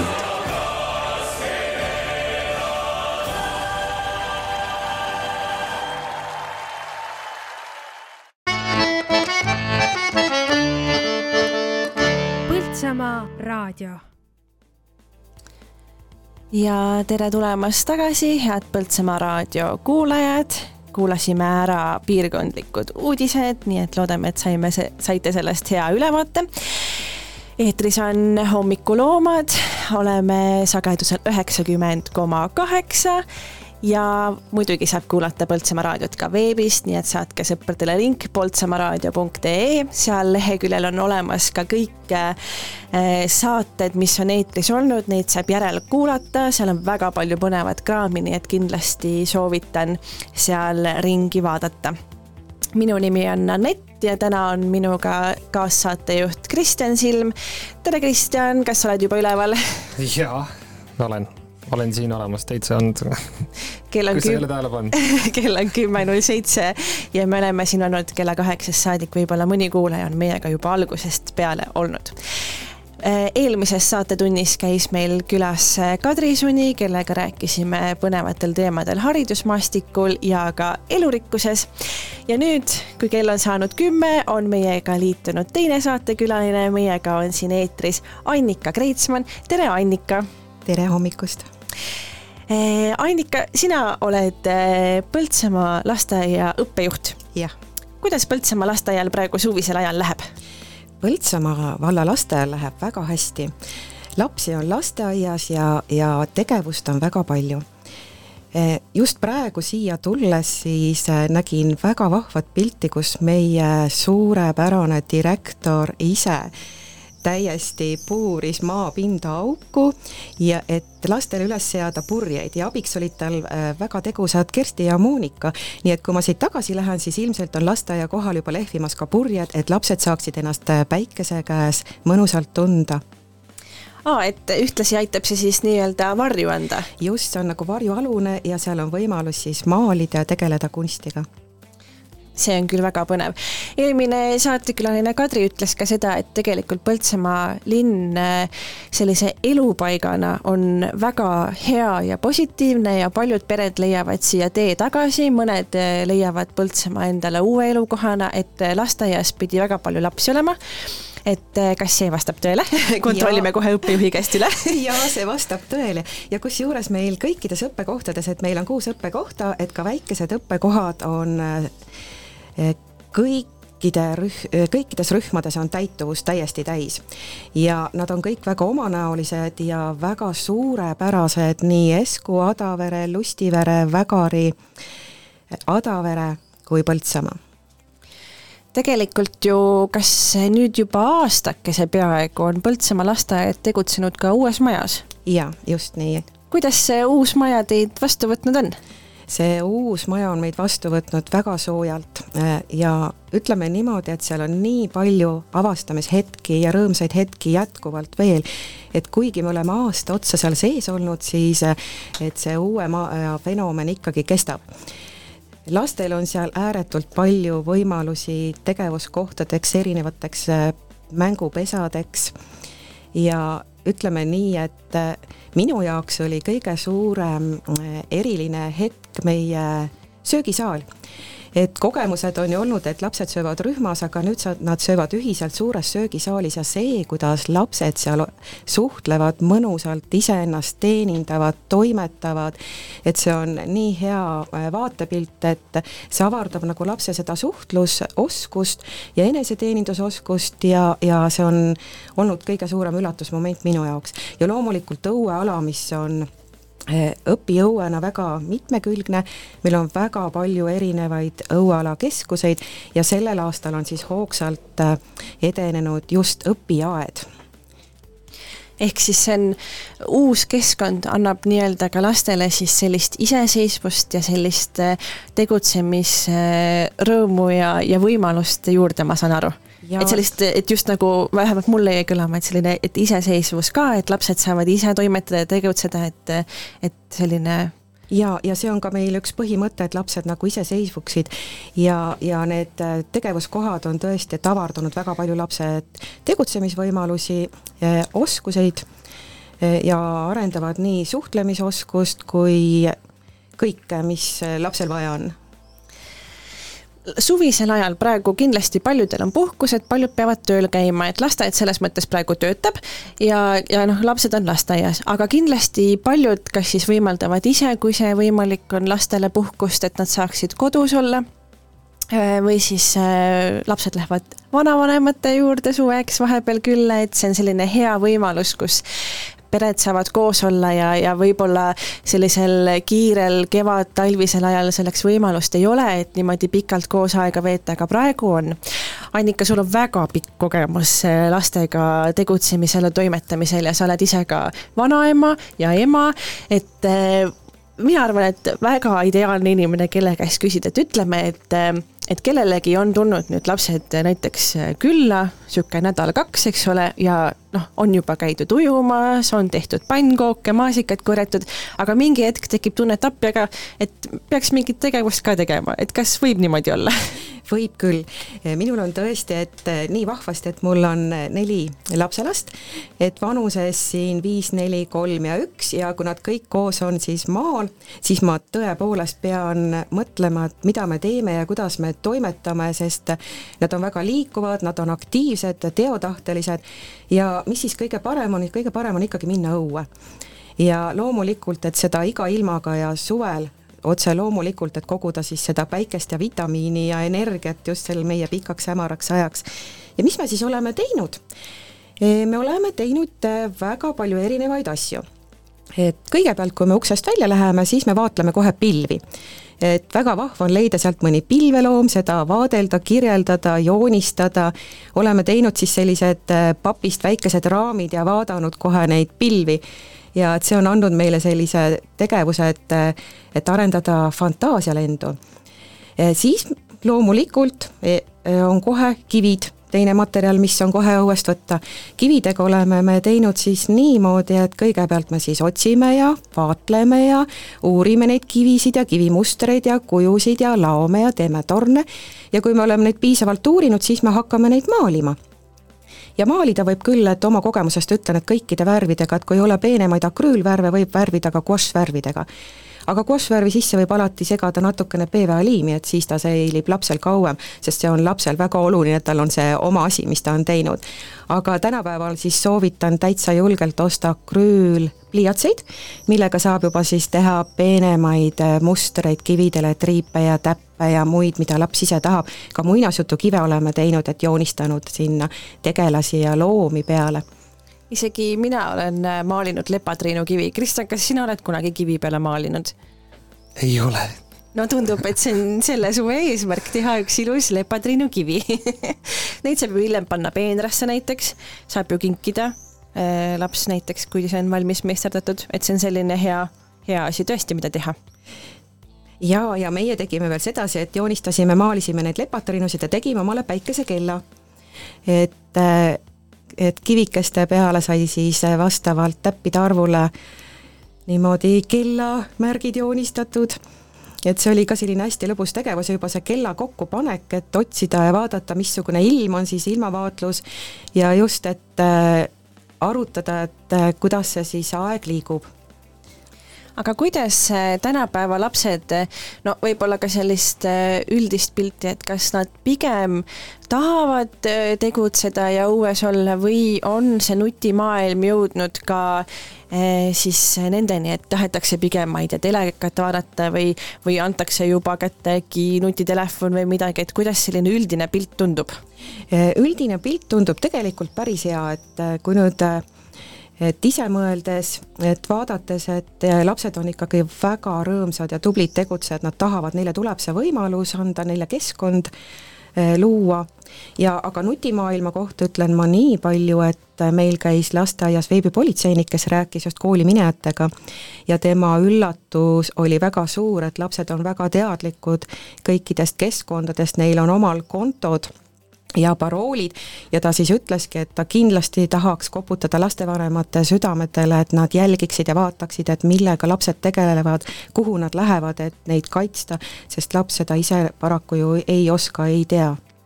kusjuures see on äh, väga hea tähelepanek, sest et äh, minu kursa, äh, kursuseõde siis, äh, kes tahab üles otsida, siis Tartu Ülikooli lõputööde baasis on olemas Inger Klesmenti lõputöö ja tema uuris ka, ta käis koolides ja lasteaedades läbi viimas siis digipädevuse mänge. Ja ma tean, et Adaveres käis ta ka, aga küll vist äh, äkki algklassides, mitte siis päris lasteaias. Ja tegelikult äh, mis tema sellise Äh, toimetamiste käigus on välja tulnud, on see, et tegelikult äh, lapsed ja ka juba väga varajases eas lapsed on palju teadlikumad äh, internetist ja nad kasutavad äppe ja tegelikult tihtipeale vanematel, nad arvavad, et noh, et ah, küll ta vaatab seda, ma ei tea, Pepa multikat sealt Youtube'ist või teeb midagi, aga tegelikult see hetk, kus see vahetub väga kiiresti millekski muuks, kuidas need algoritmid on üles ehitatud ja kuidas need on omavahel seosesse pandud või see oleneb ka sellest, et näiteks kui ta võtab vanema telefoni, et mida vanem ise on enne vaadanud, siis see täiskasvanutele mõeldud sisu tegelikult on väga kiire tulema ja, ja kui ta vaatab seda iseseisvalt, siis tegelikult ta ju ka ei mõtesta seda läbi, et mis see tegelikult on. et sellised netiohud ka juba väga varajases eas on selline hea tähelepanek ja kindlasti ka et hea soovitus, et vanematele, et äh, jälgige, millega lapsed tegelevad seal erinevates nutivahendites, et tegelikult selline paar klõpsu ja avaneb hoopis teine maailm, mis ei ole üldse Karu Maša ja Pepa mm. -hmm. aga siinkohal ma tahaks anda ühe lõbusa vihje, et äh, vanematele koos lastega, et äh, kasutades sedasi toredalt ja lõbusasti nutitelefoni, et äh, lapsevanem, kui nüüd trükib sisse, kirjutab mõne looma nimetuse, näiteks karu, ja sealt alt tuleb välja, et vaata 3D formaadis, tooda ruumi, et selle looma saab tuua siis oma näiteks kas või aeda, oma keskkonda, elu suuruses teeb hääli, liigutab, et on selline hästi avar, niisugune lõbus õppevorm. ja kui sealt nüüd leida see üles, siis sealt on väga palju loomi leida, nii et selline lõbus, lõbus nuti, nutivärk ka jah, mina olen alati mõelnud, et kas, kui, kui palju üldse on vaja lastel väljas käia, et kui, kui oluliselt see meie, ütleme, aju arengut mõjutab, et kas võib-olla nuti, nutiseadmetes olemine ei ole kõige halvem asi kas selle peale on mõeldud? et kui palju nüüd väljas käia? Et kas üldse on vaja väljas käia? aa, loomulikult, minu aru, minu, minu arvates võiks kogu aeg väljas olla, sest tänapäeval ongi need õppe, õppe, õuesõppe suunad ja mida rohkem õues, seda parem. ja ma tooksin välja selle kasvõi tavalise mängu, kus lapsed müravad või katsuvad jõudu, osavust, kiirust, siis Taani uuringute põhjal on välja toodud, et need lapsed, kes müravad õues, jooksevad, müttavad iseseisvalt rohkem või koos kaaslastega, siis nemad saavad täiskasvanuna paremini elus hakkama erinevates situatsioonides ja ka psühholoogiliselt. nii et ikkagi on vaja väljas käia? jaa, väljas on vaja käia ja väljas on vaja olla. väga hea.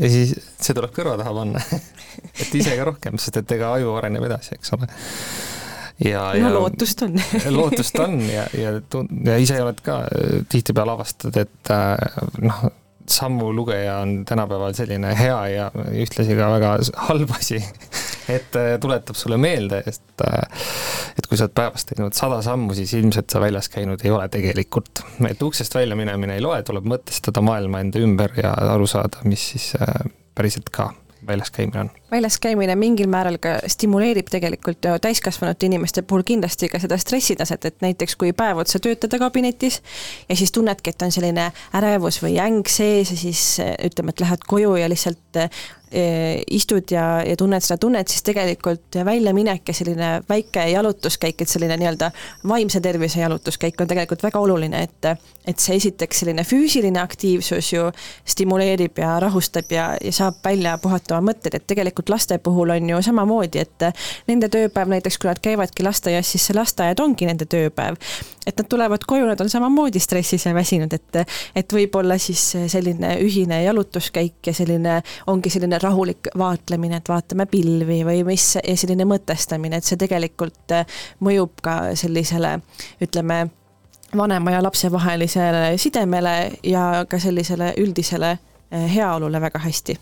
ja, ja kusjuures ta toetab äh, lapse arengut igakülgselt, et nii loovust, tähelepanu kui keskendumisvõimet, sest laps õpib seal kuulama, vaatama, nägema, tunnetama, tajuma, kogema, et ta on väljas ju, tal on avatud kõigi meeltega nii et see on igati eh, last toetav, lapsed on siis rõõmsamad, vabamad, tervemad, julgevamad, liikuvamad.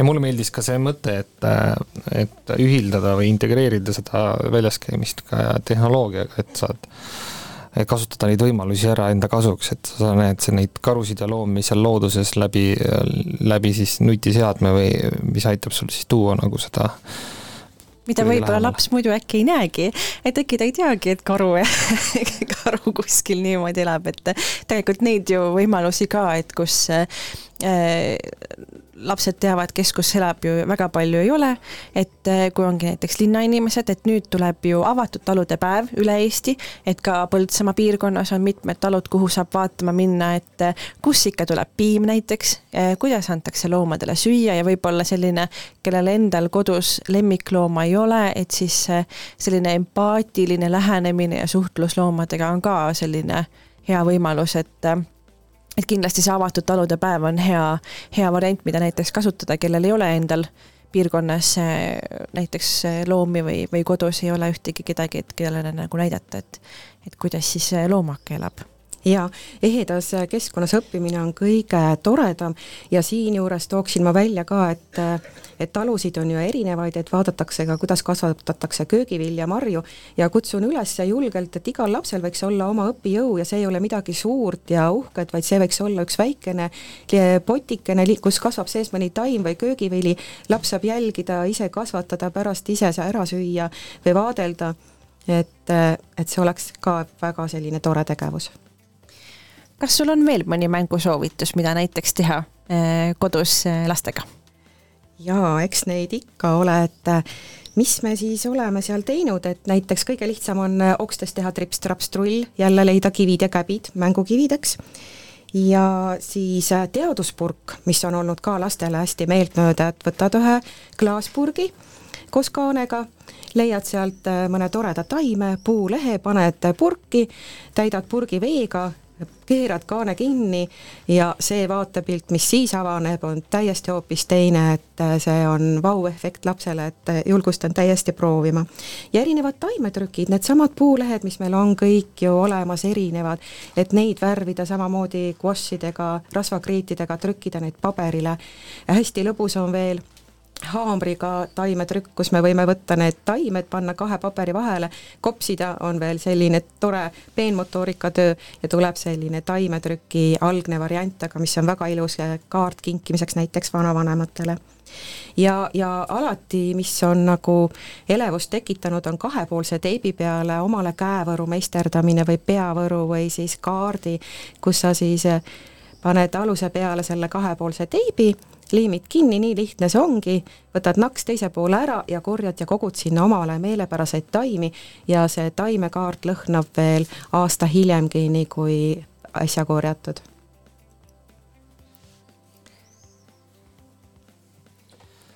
Need äh, mõtted tuleb kõik kõrva taha panna ja, ja, ja, ja siis äh, kõik, kes äh, kuulavad raadiot, saavad siis neid kodus järgi juba proovida, väga lihtsad ja, ja väga head soovitused minu meelest ka ja just sellised loovad ja, ja selliste vahenditega, mida saab tegelikult ju igaüks teha, et eh, oksakesi, kivisid, eh, neid ju leidub, et eh, saab teha ja toimetada, et selles mõttes väga kihvt.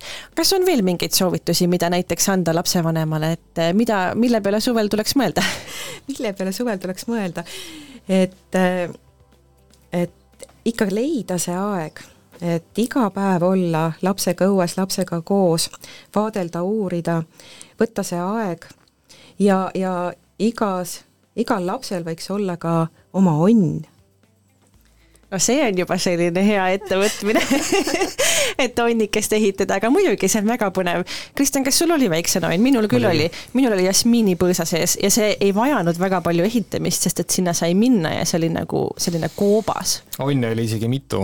ahhaa aga kas need vajasid ehitamist või need olid äh, ka sellised looduslikud koopad? ei, seal oli ikkagi jah, et äh, ütleme niimoodi, et, äh, et naabruskonna puud olid kõik naelu täis taotud ja, ja, ja siin iga, igas puu otsas oli mingisugune lauajupp, kus, mida sai kutsuda onniks mingil perioodil, nii et äh, onne oli palju aga neid selliseid, kus on nii-öelda ka, ka seinad ja, katus pea kohal, neid vist oli minu meelest üks ainult või kaks, aga, aga teine põnev asi onni kõrval oli parve ehitamine, ma ei tea, kas paljud tänapäeval seda teevad, aga, aga vanasti sai ka niisugust asja teha nagu parve ehitada. Veeohutuse abc aga jaa, mina olen ka ehitanud parve aga kevadise suurvee ajal, et siis, kui põldude peale tekkisid need hiigelsuured lombid, siis eh, seal sai proovida. no see oli muidugi ka turvaline, sest et seal ei olnud sügav vesi. aga jah, kindlasti kui minna vee äärde, lapsed, siis eh, vee ääres tuleb olla väga ettevaatlik ja ja võimalusel kasutada päästevesti, ja muid tähendab, mitte võimalusel, vaid tulebki kasutada. Tulebki kui sa ei kasutada. oska ujuda eriti. just. ja mina ei, ma ei ausalt ei mäleta, aga ma ikka oskasin, ma arvan, siis juba ujuda, ma ei usu, et ma oleks julgenud muidu muidugi vee peale minna, aga aga noh, meil oli ka väiksem tiik ja, ja nii edasi, et, et äh, igast põnevaid tegevusi sai. vanemlik järelevalve. jah, aga need on väga toredad mõtted olnud. aitäh sulle, Annika, et sa leidsid aega see, selle pooltunni meiega Põltsamaa raadiosse tulla. kas sa oled muidu ise suur raadiokuulaja? Põltsamaa raadiot kuulan küll. väga hea ja hea lugu, mis siia lõppu minu arvates eh, sobiks, on Girly Strings kauges külas. kas, mis te sellest arvate? see on selline suvine lugu, kus kõik lähevad maale vanaemale külla ja, ja see on väga hea lugu. Nii et kuulame Girly Stringsi kauges külas. aitäh sulle, Annika ja ilusat suve jätku ja tegusat toimetamist siis Põltsamaa lasteaias. aitäh.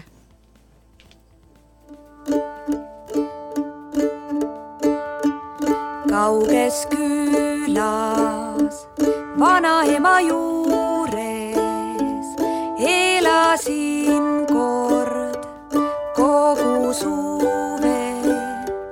vanaema ja mu armas vanaisa, aga noorel neiul neist ei piisa. jooksen randa koduküla randa, et saada pruuniks teiseks juuniks.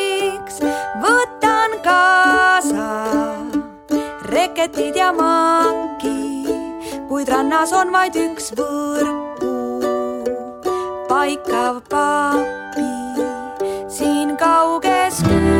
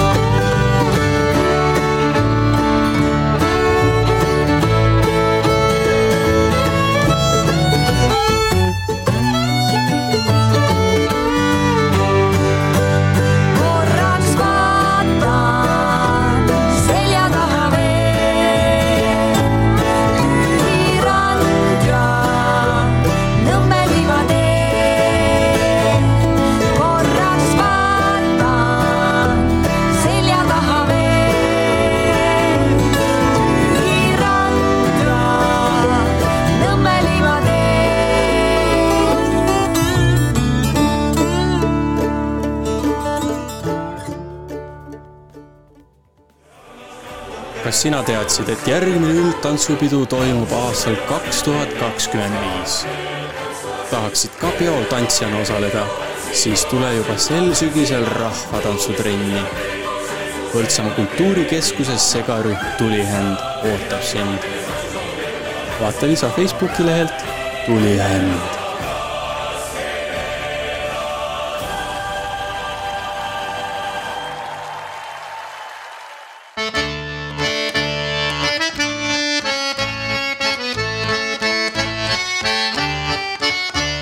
kuulate Põltsamaa raadiot sagedusel üheksakümmend koma kaheksa megahertsi ning internetis poltsamaaraadio.ee.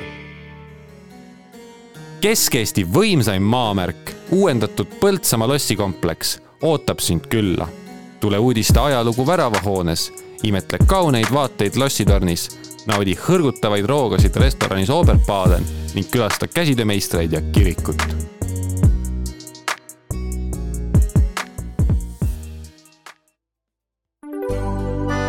juustu kvaliteet sõltub sellest, kus juustu tehakse. Põltsamaal osatakse juustu teha, seal hinnatakse kvaliteeti. Põltsamaa Eesti juust. ja tere tulemast tagasi Põltsamaa raadio kuulajad eetris on hommikuprogramm Hommikuloomad, kell on saanud juba kümme kolmkümmend kolm, nii et kella kaheksast on kuidagi nagu nipsti see aeg siia lennanud. kuidas sul, Kristjan, on, kas on aeg pigem kiiresti lennanud või veninud aeg on äh, läinud parema kiirusega. kui nii palju huvitavaid külalisi on No stuudios, siis on raske mitte teisiti ju minna. aga me rääkisime esimeses saatetunnis Eesti uudiseid, teises saatetunnis käis meil külas Kadri Suini, kellega rääkisime Põltsamaa sellisest haridusmaastikust ja ka elurikkusest. Ning äsja oli meil külas Põltsamaa lasteaia õppejuht Annike Kreitsmann, kellega rääkisime kuidas läheb Põltsamaa lasteaial ja ka sellest, mida siis suvel näiteks eh, teha koos lastega, et sellised head lihtsad nipid, et eh, minu meelest sai sealt küll eh, selliseid häid soovitusi, mida siis teha, kui endal mõtted otsa saavad äkki. tugevalt haridusliku taustaga äh,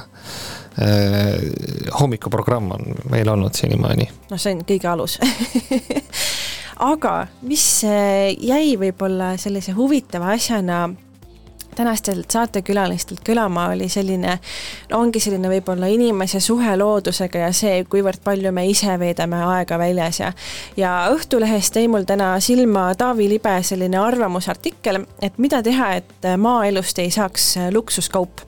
seal ta ühtlasi räägib sellest, kuidas eestlased võib-olla ei ole nii suured siis äh, entusiastid minema sellistele suvehooaja töödele, et äh, selleks tuleb sisse tuua siis välisriikidest inimesi äh, põllumajandustootjatel, aga ka sellest, et inimesed on nõus maksma näiteks kaheksakümmend eurot kukeseene kilo eest ja sada eurot metsmaasika kilo eest, mis pidi praegu väga kuum kaup olema.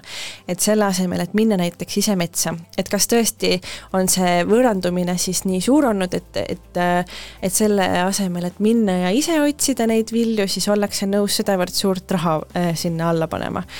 Et äh, ma ise jäin mõtlema, et võib-olla see ei ole selline võõrandumise küsimus, vaid ka võimaluste küsimus, et mitte igaühel ei ole äh, võimalust või teadmist, et kuskohast siis neid äh, looduse vilju saada, et äh, me teame väga hästi, et eestlased oma kukeseene kohti hoiavad tõenäoliselt paremini kui riigisaladusi, eks ole ja, ja metsmaasikatega ole samamoodi, et sa ju pead ikkagi teadma, et kuhu ja millal neid otsima minna et võib-olla see ei olegi niivõrd selline suhtumise küsimus, vaid ka võimaluste küsimus.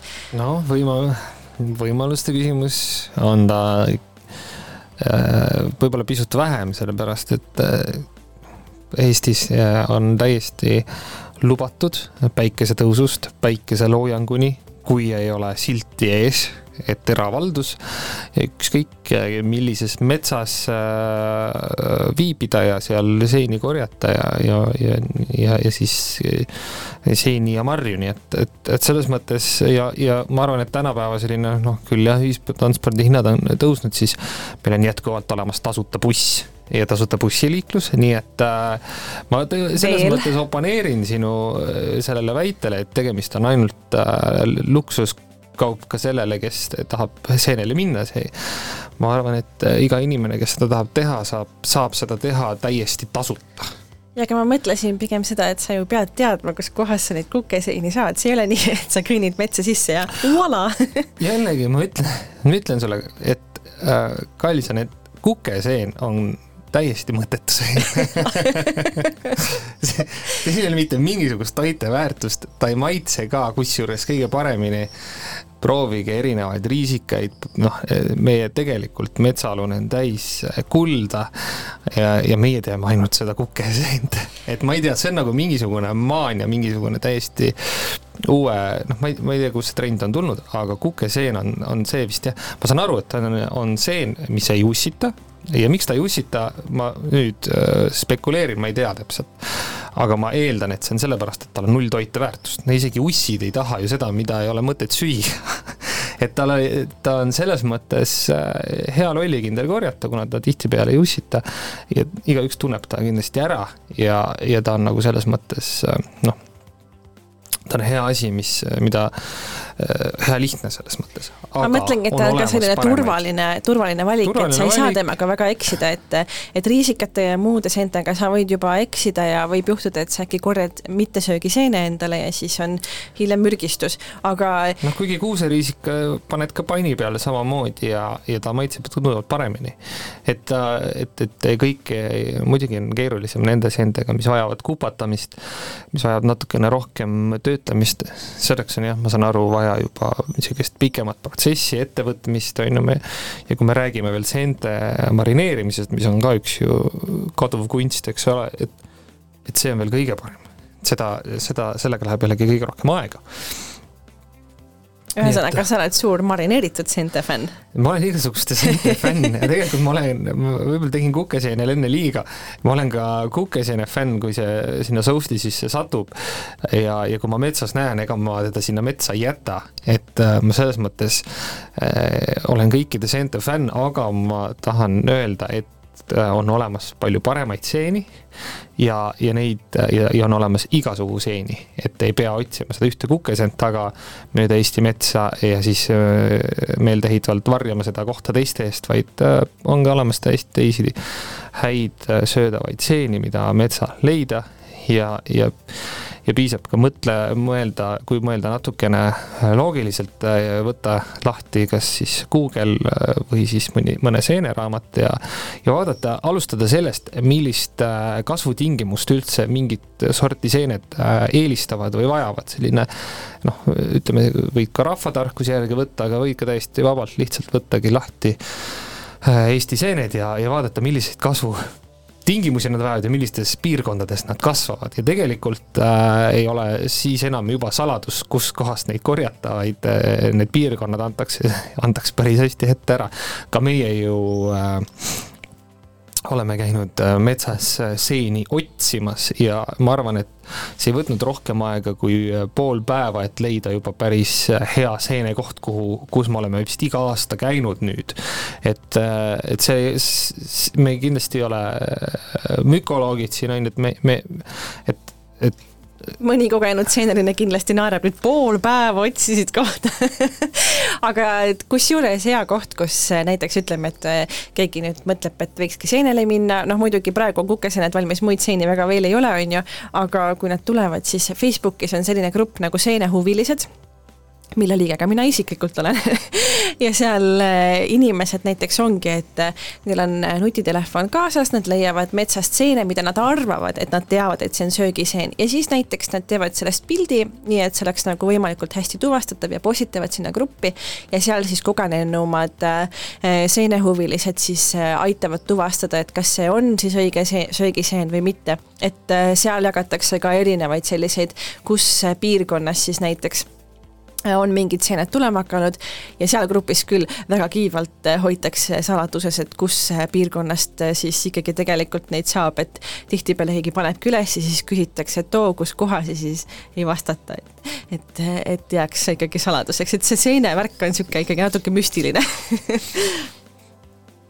Jah, kahjuks, aga võiks ju jagada. teine asi, mis on minu arust, on karulauk, mis on nojah, tegelikult on looduslikult keelatud ka, las me seda siis varjame, see on okei okay., seda võib varjata. oma tarbeks tohib eh, korjata, aga jah. oma tarbeks tohib korjata, aga, aga kui jah, sa neid kohti reklaamima hakkad, siis ja kõik oma tarbeks korjavad, siis ei pruugi sellest enam järgmine aasta ja no kõik ei ole sellised korjajad ka, kes võtaksid noh, nii-öelda, et järgmiseks aastaks ka jääks sinna sobiv kasvukoht alles. ja, ja see võib tekitada jah, sellele kohale probleeme iseenesest. jah, nii võib olla küll nii võib olla aga jah, aga see on tegelikult äge, et ikkagi kui me nüüd alustasime sellest Taavi Liibe arvamusest, et, et on toimunud selline võõrandumine, siis pigem nagu tundub, et ei ole, et inimesed ikkagi käivad, ongi kevadel on see karulaugu hullus, siis tuleb kukeseene hullus, et jah, jah, see oleneb jah piirkonnast. eks, eks selles mõttes turg paneb hinna paika ja kui on inimesi, kes on nõus saja euro eest ostma endale kilo metsmaasikaid Äh, siis äh, jumala eest, ja kui on keegi kuskil, kes soovib kahesaja euro eest osta kilo metsmaasikaid, siis võib minu poole pöörduda. Sest et ma ostan siis saja euro. Aga see ju käibki nii, kas mitte minu meelest ka Põltsamaa elugrupis ei olnud, et keegi ostis kokku, noh et noh, tegelikult see on ka väga hea suvine selline lisateenimisvõimalus inimestele, et äh, sa käidki korjad ja siis müüd edasi et eh, ühesõnaga see kokkuostuhind, millega tullakse siia kokku ostma, on tunduvalt madalam ja siis, kui sa lähed turule ja näed seda hinda, millega seal müüakse, et see on tunduvalt kõrgem. et, eh, et, et jah, selline aga ma nõustun, et ta peab olema sisse. natukene kõrgem äh,, hind peab olema kõrge, sest see korjamine on ikkagi omaette vaev, et see ei toimu automatiseeritud kujul. eriti väikese marja puhul, jah. jah, et, et näiteks metsmaasika, ma ei kujuta, sa lõhud ju selle ära, kui sa hakkad seal selle sõelaga kühveldama või see, et, et, et siis siis äh, siis sa korjadki seda ju näppude vahel, ma eeldan, et sa võtadki niimoodi ükshaaval, otsid neid ja, ja et nad, et nad oleksid ilusad ja püsiksid terved. Äh, et, et neid ära mitte lömastada, eks, ja siis äh, ongi väga raske töö ja peabki olema tasustatud töö. aga, aga jah, mingid piirid võiksid siiski jääda ja, ja noh, eks ta kajastub ka siis selles müügis. aga samas, kui toodet on vähe, siis ei ole vajagi leida väga palju neid ostjaid, nii et niimoodi see töötab, niimoodi see turg töötabki tegelikult. nii et kui on inimesi, kes ostavad, kes on nõus ostma endale neljakümne viie, viiekümne ja, ja sa ütlesid isegi kuuekümne eurose kilohinnaga või tähendab kaheksakümne eurose kilohinnaga kukeseeni, siis äh, see on hea. kõik, kes raadiot kuulavad ja teavad mõnda head kukeseene kohta, siis arvestage kohe ära, mitu kilo teil seal neid kukeseeni metsal praegu on. ja tasub need kohe täna rahaks teha, sest et äh, juba pärast vihmaperioodi see hind kolinal kukub ja täpselt sama nii et äh, ja seened ju tegelikult hakkavad nüüd tulema, kus nad pääsevad. et metsaalune on, äh, metsaalune nii, kui ta seda niiskust parajas koguses saab, siis, siis ta ühe ööpäeva, paari, noh, ma kujutan ette, paari ööpäevaga sinna ka need ilusad seened tekivad, nii et praegu on ta selline nišikaup ja kui see on olemas sul kindel koht siis mine siiasamma kasvõi siis siia Puhuristi ja, ja ma olen veendunud, et sa sellest kaubast ka lahti saad ja, ja see läheb äh, hästi kokku tegelikult ka meie eelnevate soovitustega, et selline looduses viibimine lähedastega, võtke sõbrad, äh, pere kaasa ja veetke üks tore päev looduses, et see läheb kõik hästi kokku. ja, ja tegelikult üks hea selline, võib-olla äkki keegi praegu ongi juba kuskil metsas kori laseb siis äh, hea lugu mida siia soovitame, on muidugi Ivo Linna suvi, mis siia väga hästi sobiks.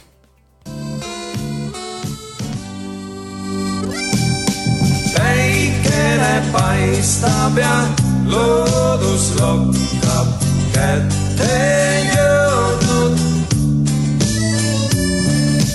lõhkene lõõrib ja õu kõik rõkkab kätte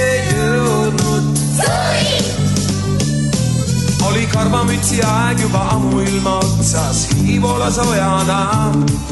saapad olid väiksed ja kindad olid aukust püksisääred põlvini. sild vajus katki, kui metsas tantsis jänku, üle jõe enam ei saanud. kuskil hange all, aga karuott veel tukkus, ega teadnud kedagi ta. päikene paistab ja loodus lokkab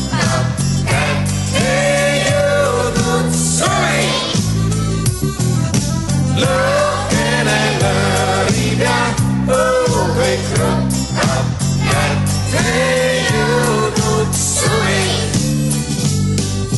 mõnikord külmatad meil vingerpussi mängis, ahju taha ajas kõik uksed pandi kinni ja olime kui vangis, koolitunnid ära jäid.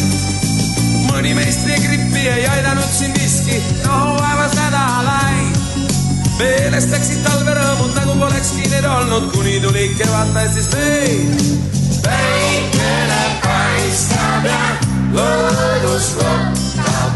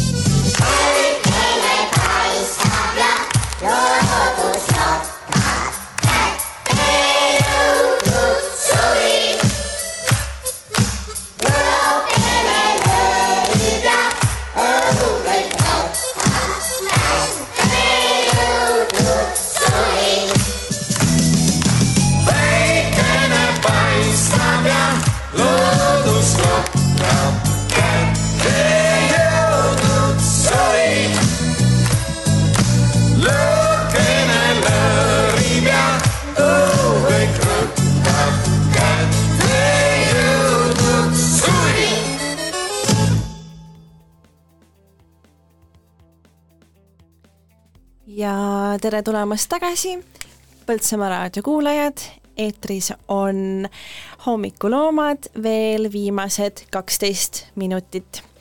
minu nimi on ikka Anett ja minuga on siin stuudios täna Kristjan.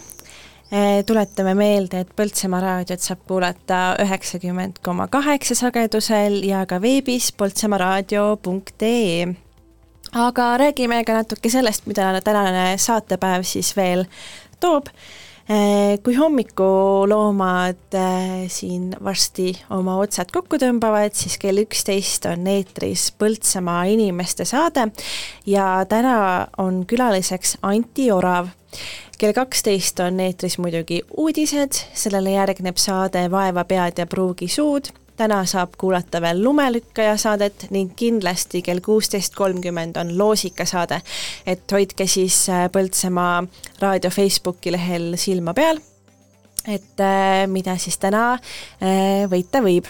ja kes on hilisemad kuulajad ja otse-eetris ei saanud tänast saatepäeva kuulata, siis õhtupoolikul on äh, ka saate korduseid, et head-paremat uuesti kuulata ja muidugi on järelkuulamise võimalus poltsamaaraadio.ee, kus siis saate endale huvipakkuvamad saated järele kuulata just, mida me ei ole veel täna käsitlenud, on äh, laulupidu ja tantsupidu, mis äh, just hiljuti sai läbi ja nüüd on äh, selline olukord, et laulu järgmine on üldlaulu ja tantsupidu nüüd toimub kahe aasta pärast, küll aga siis tahetakse teha suuremad pausid sisse, et et mitte ära kurnata lauljaid ja tantsijaid. mis sa sellest arvad, Anett? kas sa üldse käisid laulupeol? Käisin äh,, sain ilusti selle vihmasahmaka kõik sain üle elatud, oli väga äh, võimas kogemus. ma arvan, et ei ole halba ilma kunagi eestlaste jaoks, aga ma arvan, et võib-olla mingil määral on see pikem paus hea, et äh, kui nüüd siin liiga tihedaks läheb, siis võib-olla see natuke devalveerib sellist äh, olulisust, aga samas laulupidu on ikkagi kõigi nende inimeste jaoks, kelle lähedased seal laulukaare all või tantsuplatsil on, et ähm, see on ikkagi oluline, aga selline pikem paus, ma arvan, et on isegi huvitav ja kindlasti see on ka tantsijate, lauljate huvides, et äh, et jääks pikem aeg õppida, et meil siin ka reklaamiaeg käis läbi tulihänd reklaam, et tulge tantsima, et kaks tuhat kakskümmend viis on pidu, et, et noh, et siis on see esimene osa ja siis on kaks tuhat kakskümmend kaheksa, on ju. et ähm, et juba hakatakse valmistuma, et üks pidu lõpeb ja, ja juba ettevalmistused algavad, nii et kõik, kes soovivad äh, võimalust kaasa lüüa, siis on õige aeg hakata sügiseks endale kollektiivi otsima, et kus siis seda teha just ja aga milline oli sinu siis äh, ütleme, selline repertuaaris kõige sellisem säravam, meeldejäävam hetk selles äh, noorte tantsu- ja laulupeos? tantsupidu sa ei, vist ei näinud, eks ole? aga laulupidu oli siis, oli siis meeliülendav, aga milline lugu kõige paremini meelde jäi? mina ja Meri. mulle meeldis see lugu ja siis meeldis mulle selline lugu, mille nimi oli Armastus on kõige all, mis minu meelest oli selline väga sügav ja, ja suure tähendusega laul. aga noormeeste koorid olid väga võimsad ja üldse kõik olid väga võimsad, nii et ja oli meeldejääv pidu. ehk siis Pärt Uusberg on sinu lemmik helilooja koorilaulude valdkonnas ja armastus on, on siik teema, mis, mis ka tegelikult sellele laulu- ja tantsupeol oli seekord läbivaks. pealkirjaga oli muidugi Püha on maa, aga luule, mitte luule, vaid kõnekonkursitel salve kõnekonkursitel siis äh, nii-öelda need võidutööd, äh, mis äh, tulid ettekandmisele laulupeol, olid kõik minu arust läbivalt kandsid sõnumit armastusest ja selle universaalsusest, nii et ja, ja ka armastusest ka kodumaa vastu, nii et et sellised olulised teemad said käsitlust ja kinnitust, et see armastus inimestel on olemas oma kodumaa vastu, vähemalt sealt selline tunne küll jäi sisse. jaa, see oli äh, hea kokkuvõte sellest sellest peost ja repertuaarist, mida pakuti. aga tänases esimeses saatetunnis me rääkisime Eesti siseuudistest ja seal me rääkisime ka sellest, äh, kuidas inimesi siis võib-olla on püütud siis kuritegelikul teel ninapidi vedada. Ja võib-olla selline oluline uudis, kes ei ole jõudnud veel lugeda, siis on levimas jälle uus petuskeem, kuidas inimesi püütakse siis äh, üle kavaldada, et saada nende käest äh, raha kätte. Ja see levib siis äh, Facebook Messengeris, et kes seda kasutab. Ja see on selle poolest huvitav, et sinu enda sõber kirjutab sulle ja küsib siis sinu telefoninumbrit ja seejärel ütleb, et ta saadab ette noh, mingi võit, on ju. ja siis äh, tuleb äh, numbrile tuleb sõnum ja ta palub siis selle edasi saata, et niimoodi kirjeldatakse seda skeemi ja siis äh, tegelikkuses on konto kaaperdatud ja noh, et see reaalne huvi sellel inimesel, kes sulle kirjutab, su telefoninumbri vastu puudub.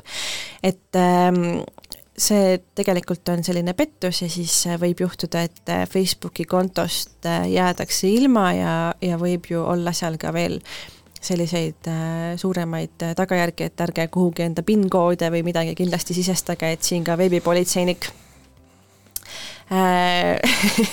siin on täna tõesti selline tore peresaade, aga veebipolitseinik Anna-Liisa Kreitsmann mm.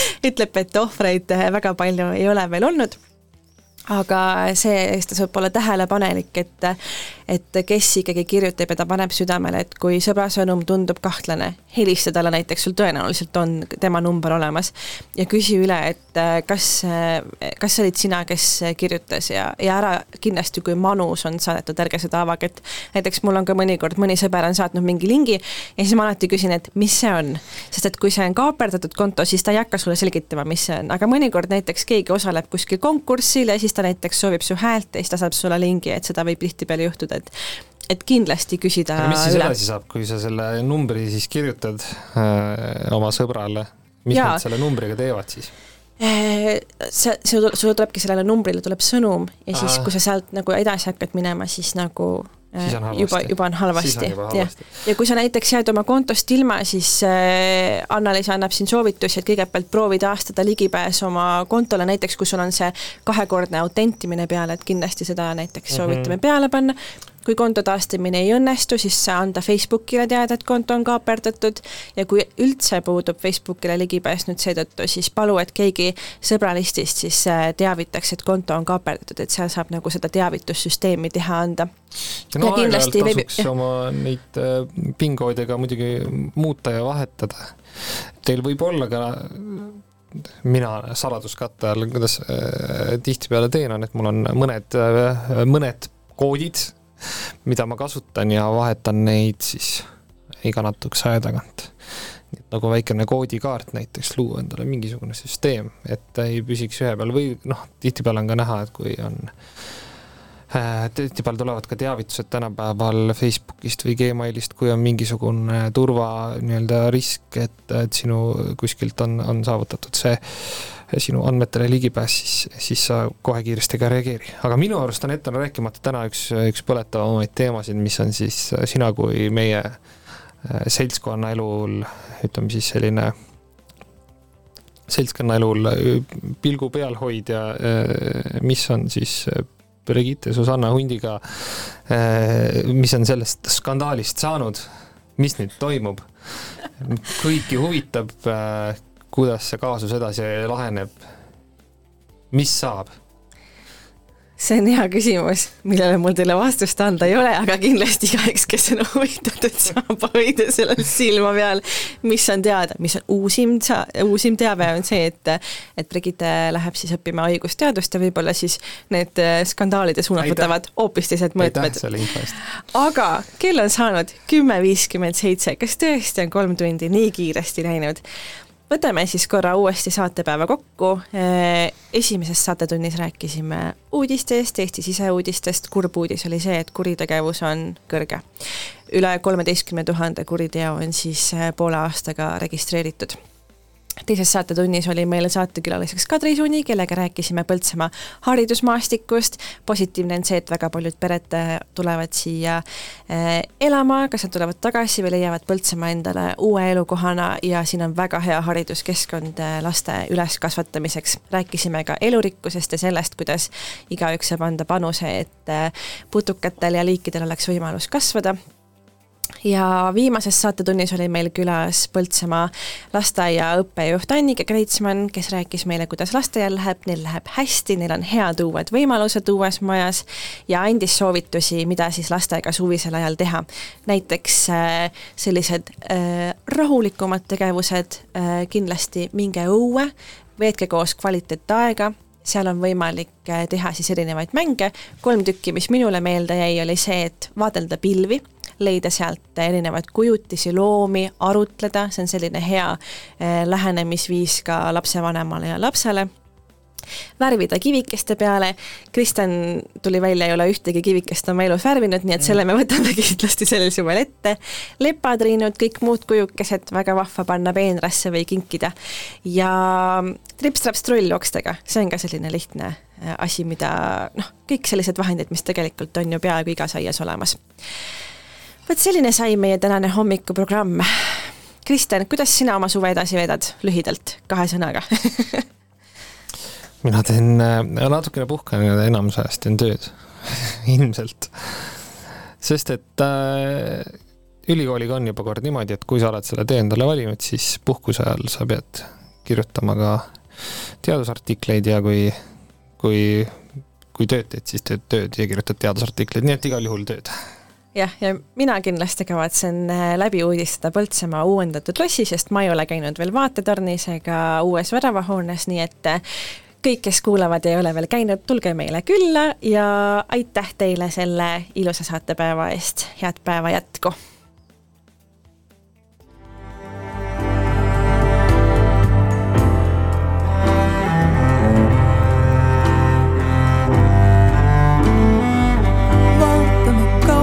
Üksteise poole, mina ja meri, taevas ja maa, ootame kohtumist maailma äärel, mina ja meri, taevas ja maa, igatsusleegina hingeleel põleb, mina ja meri, taevas ja maa, kui puutume kokku, kas sulame üheks, mina ja meri, sina ja taevas ja maa.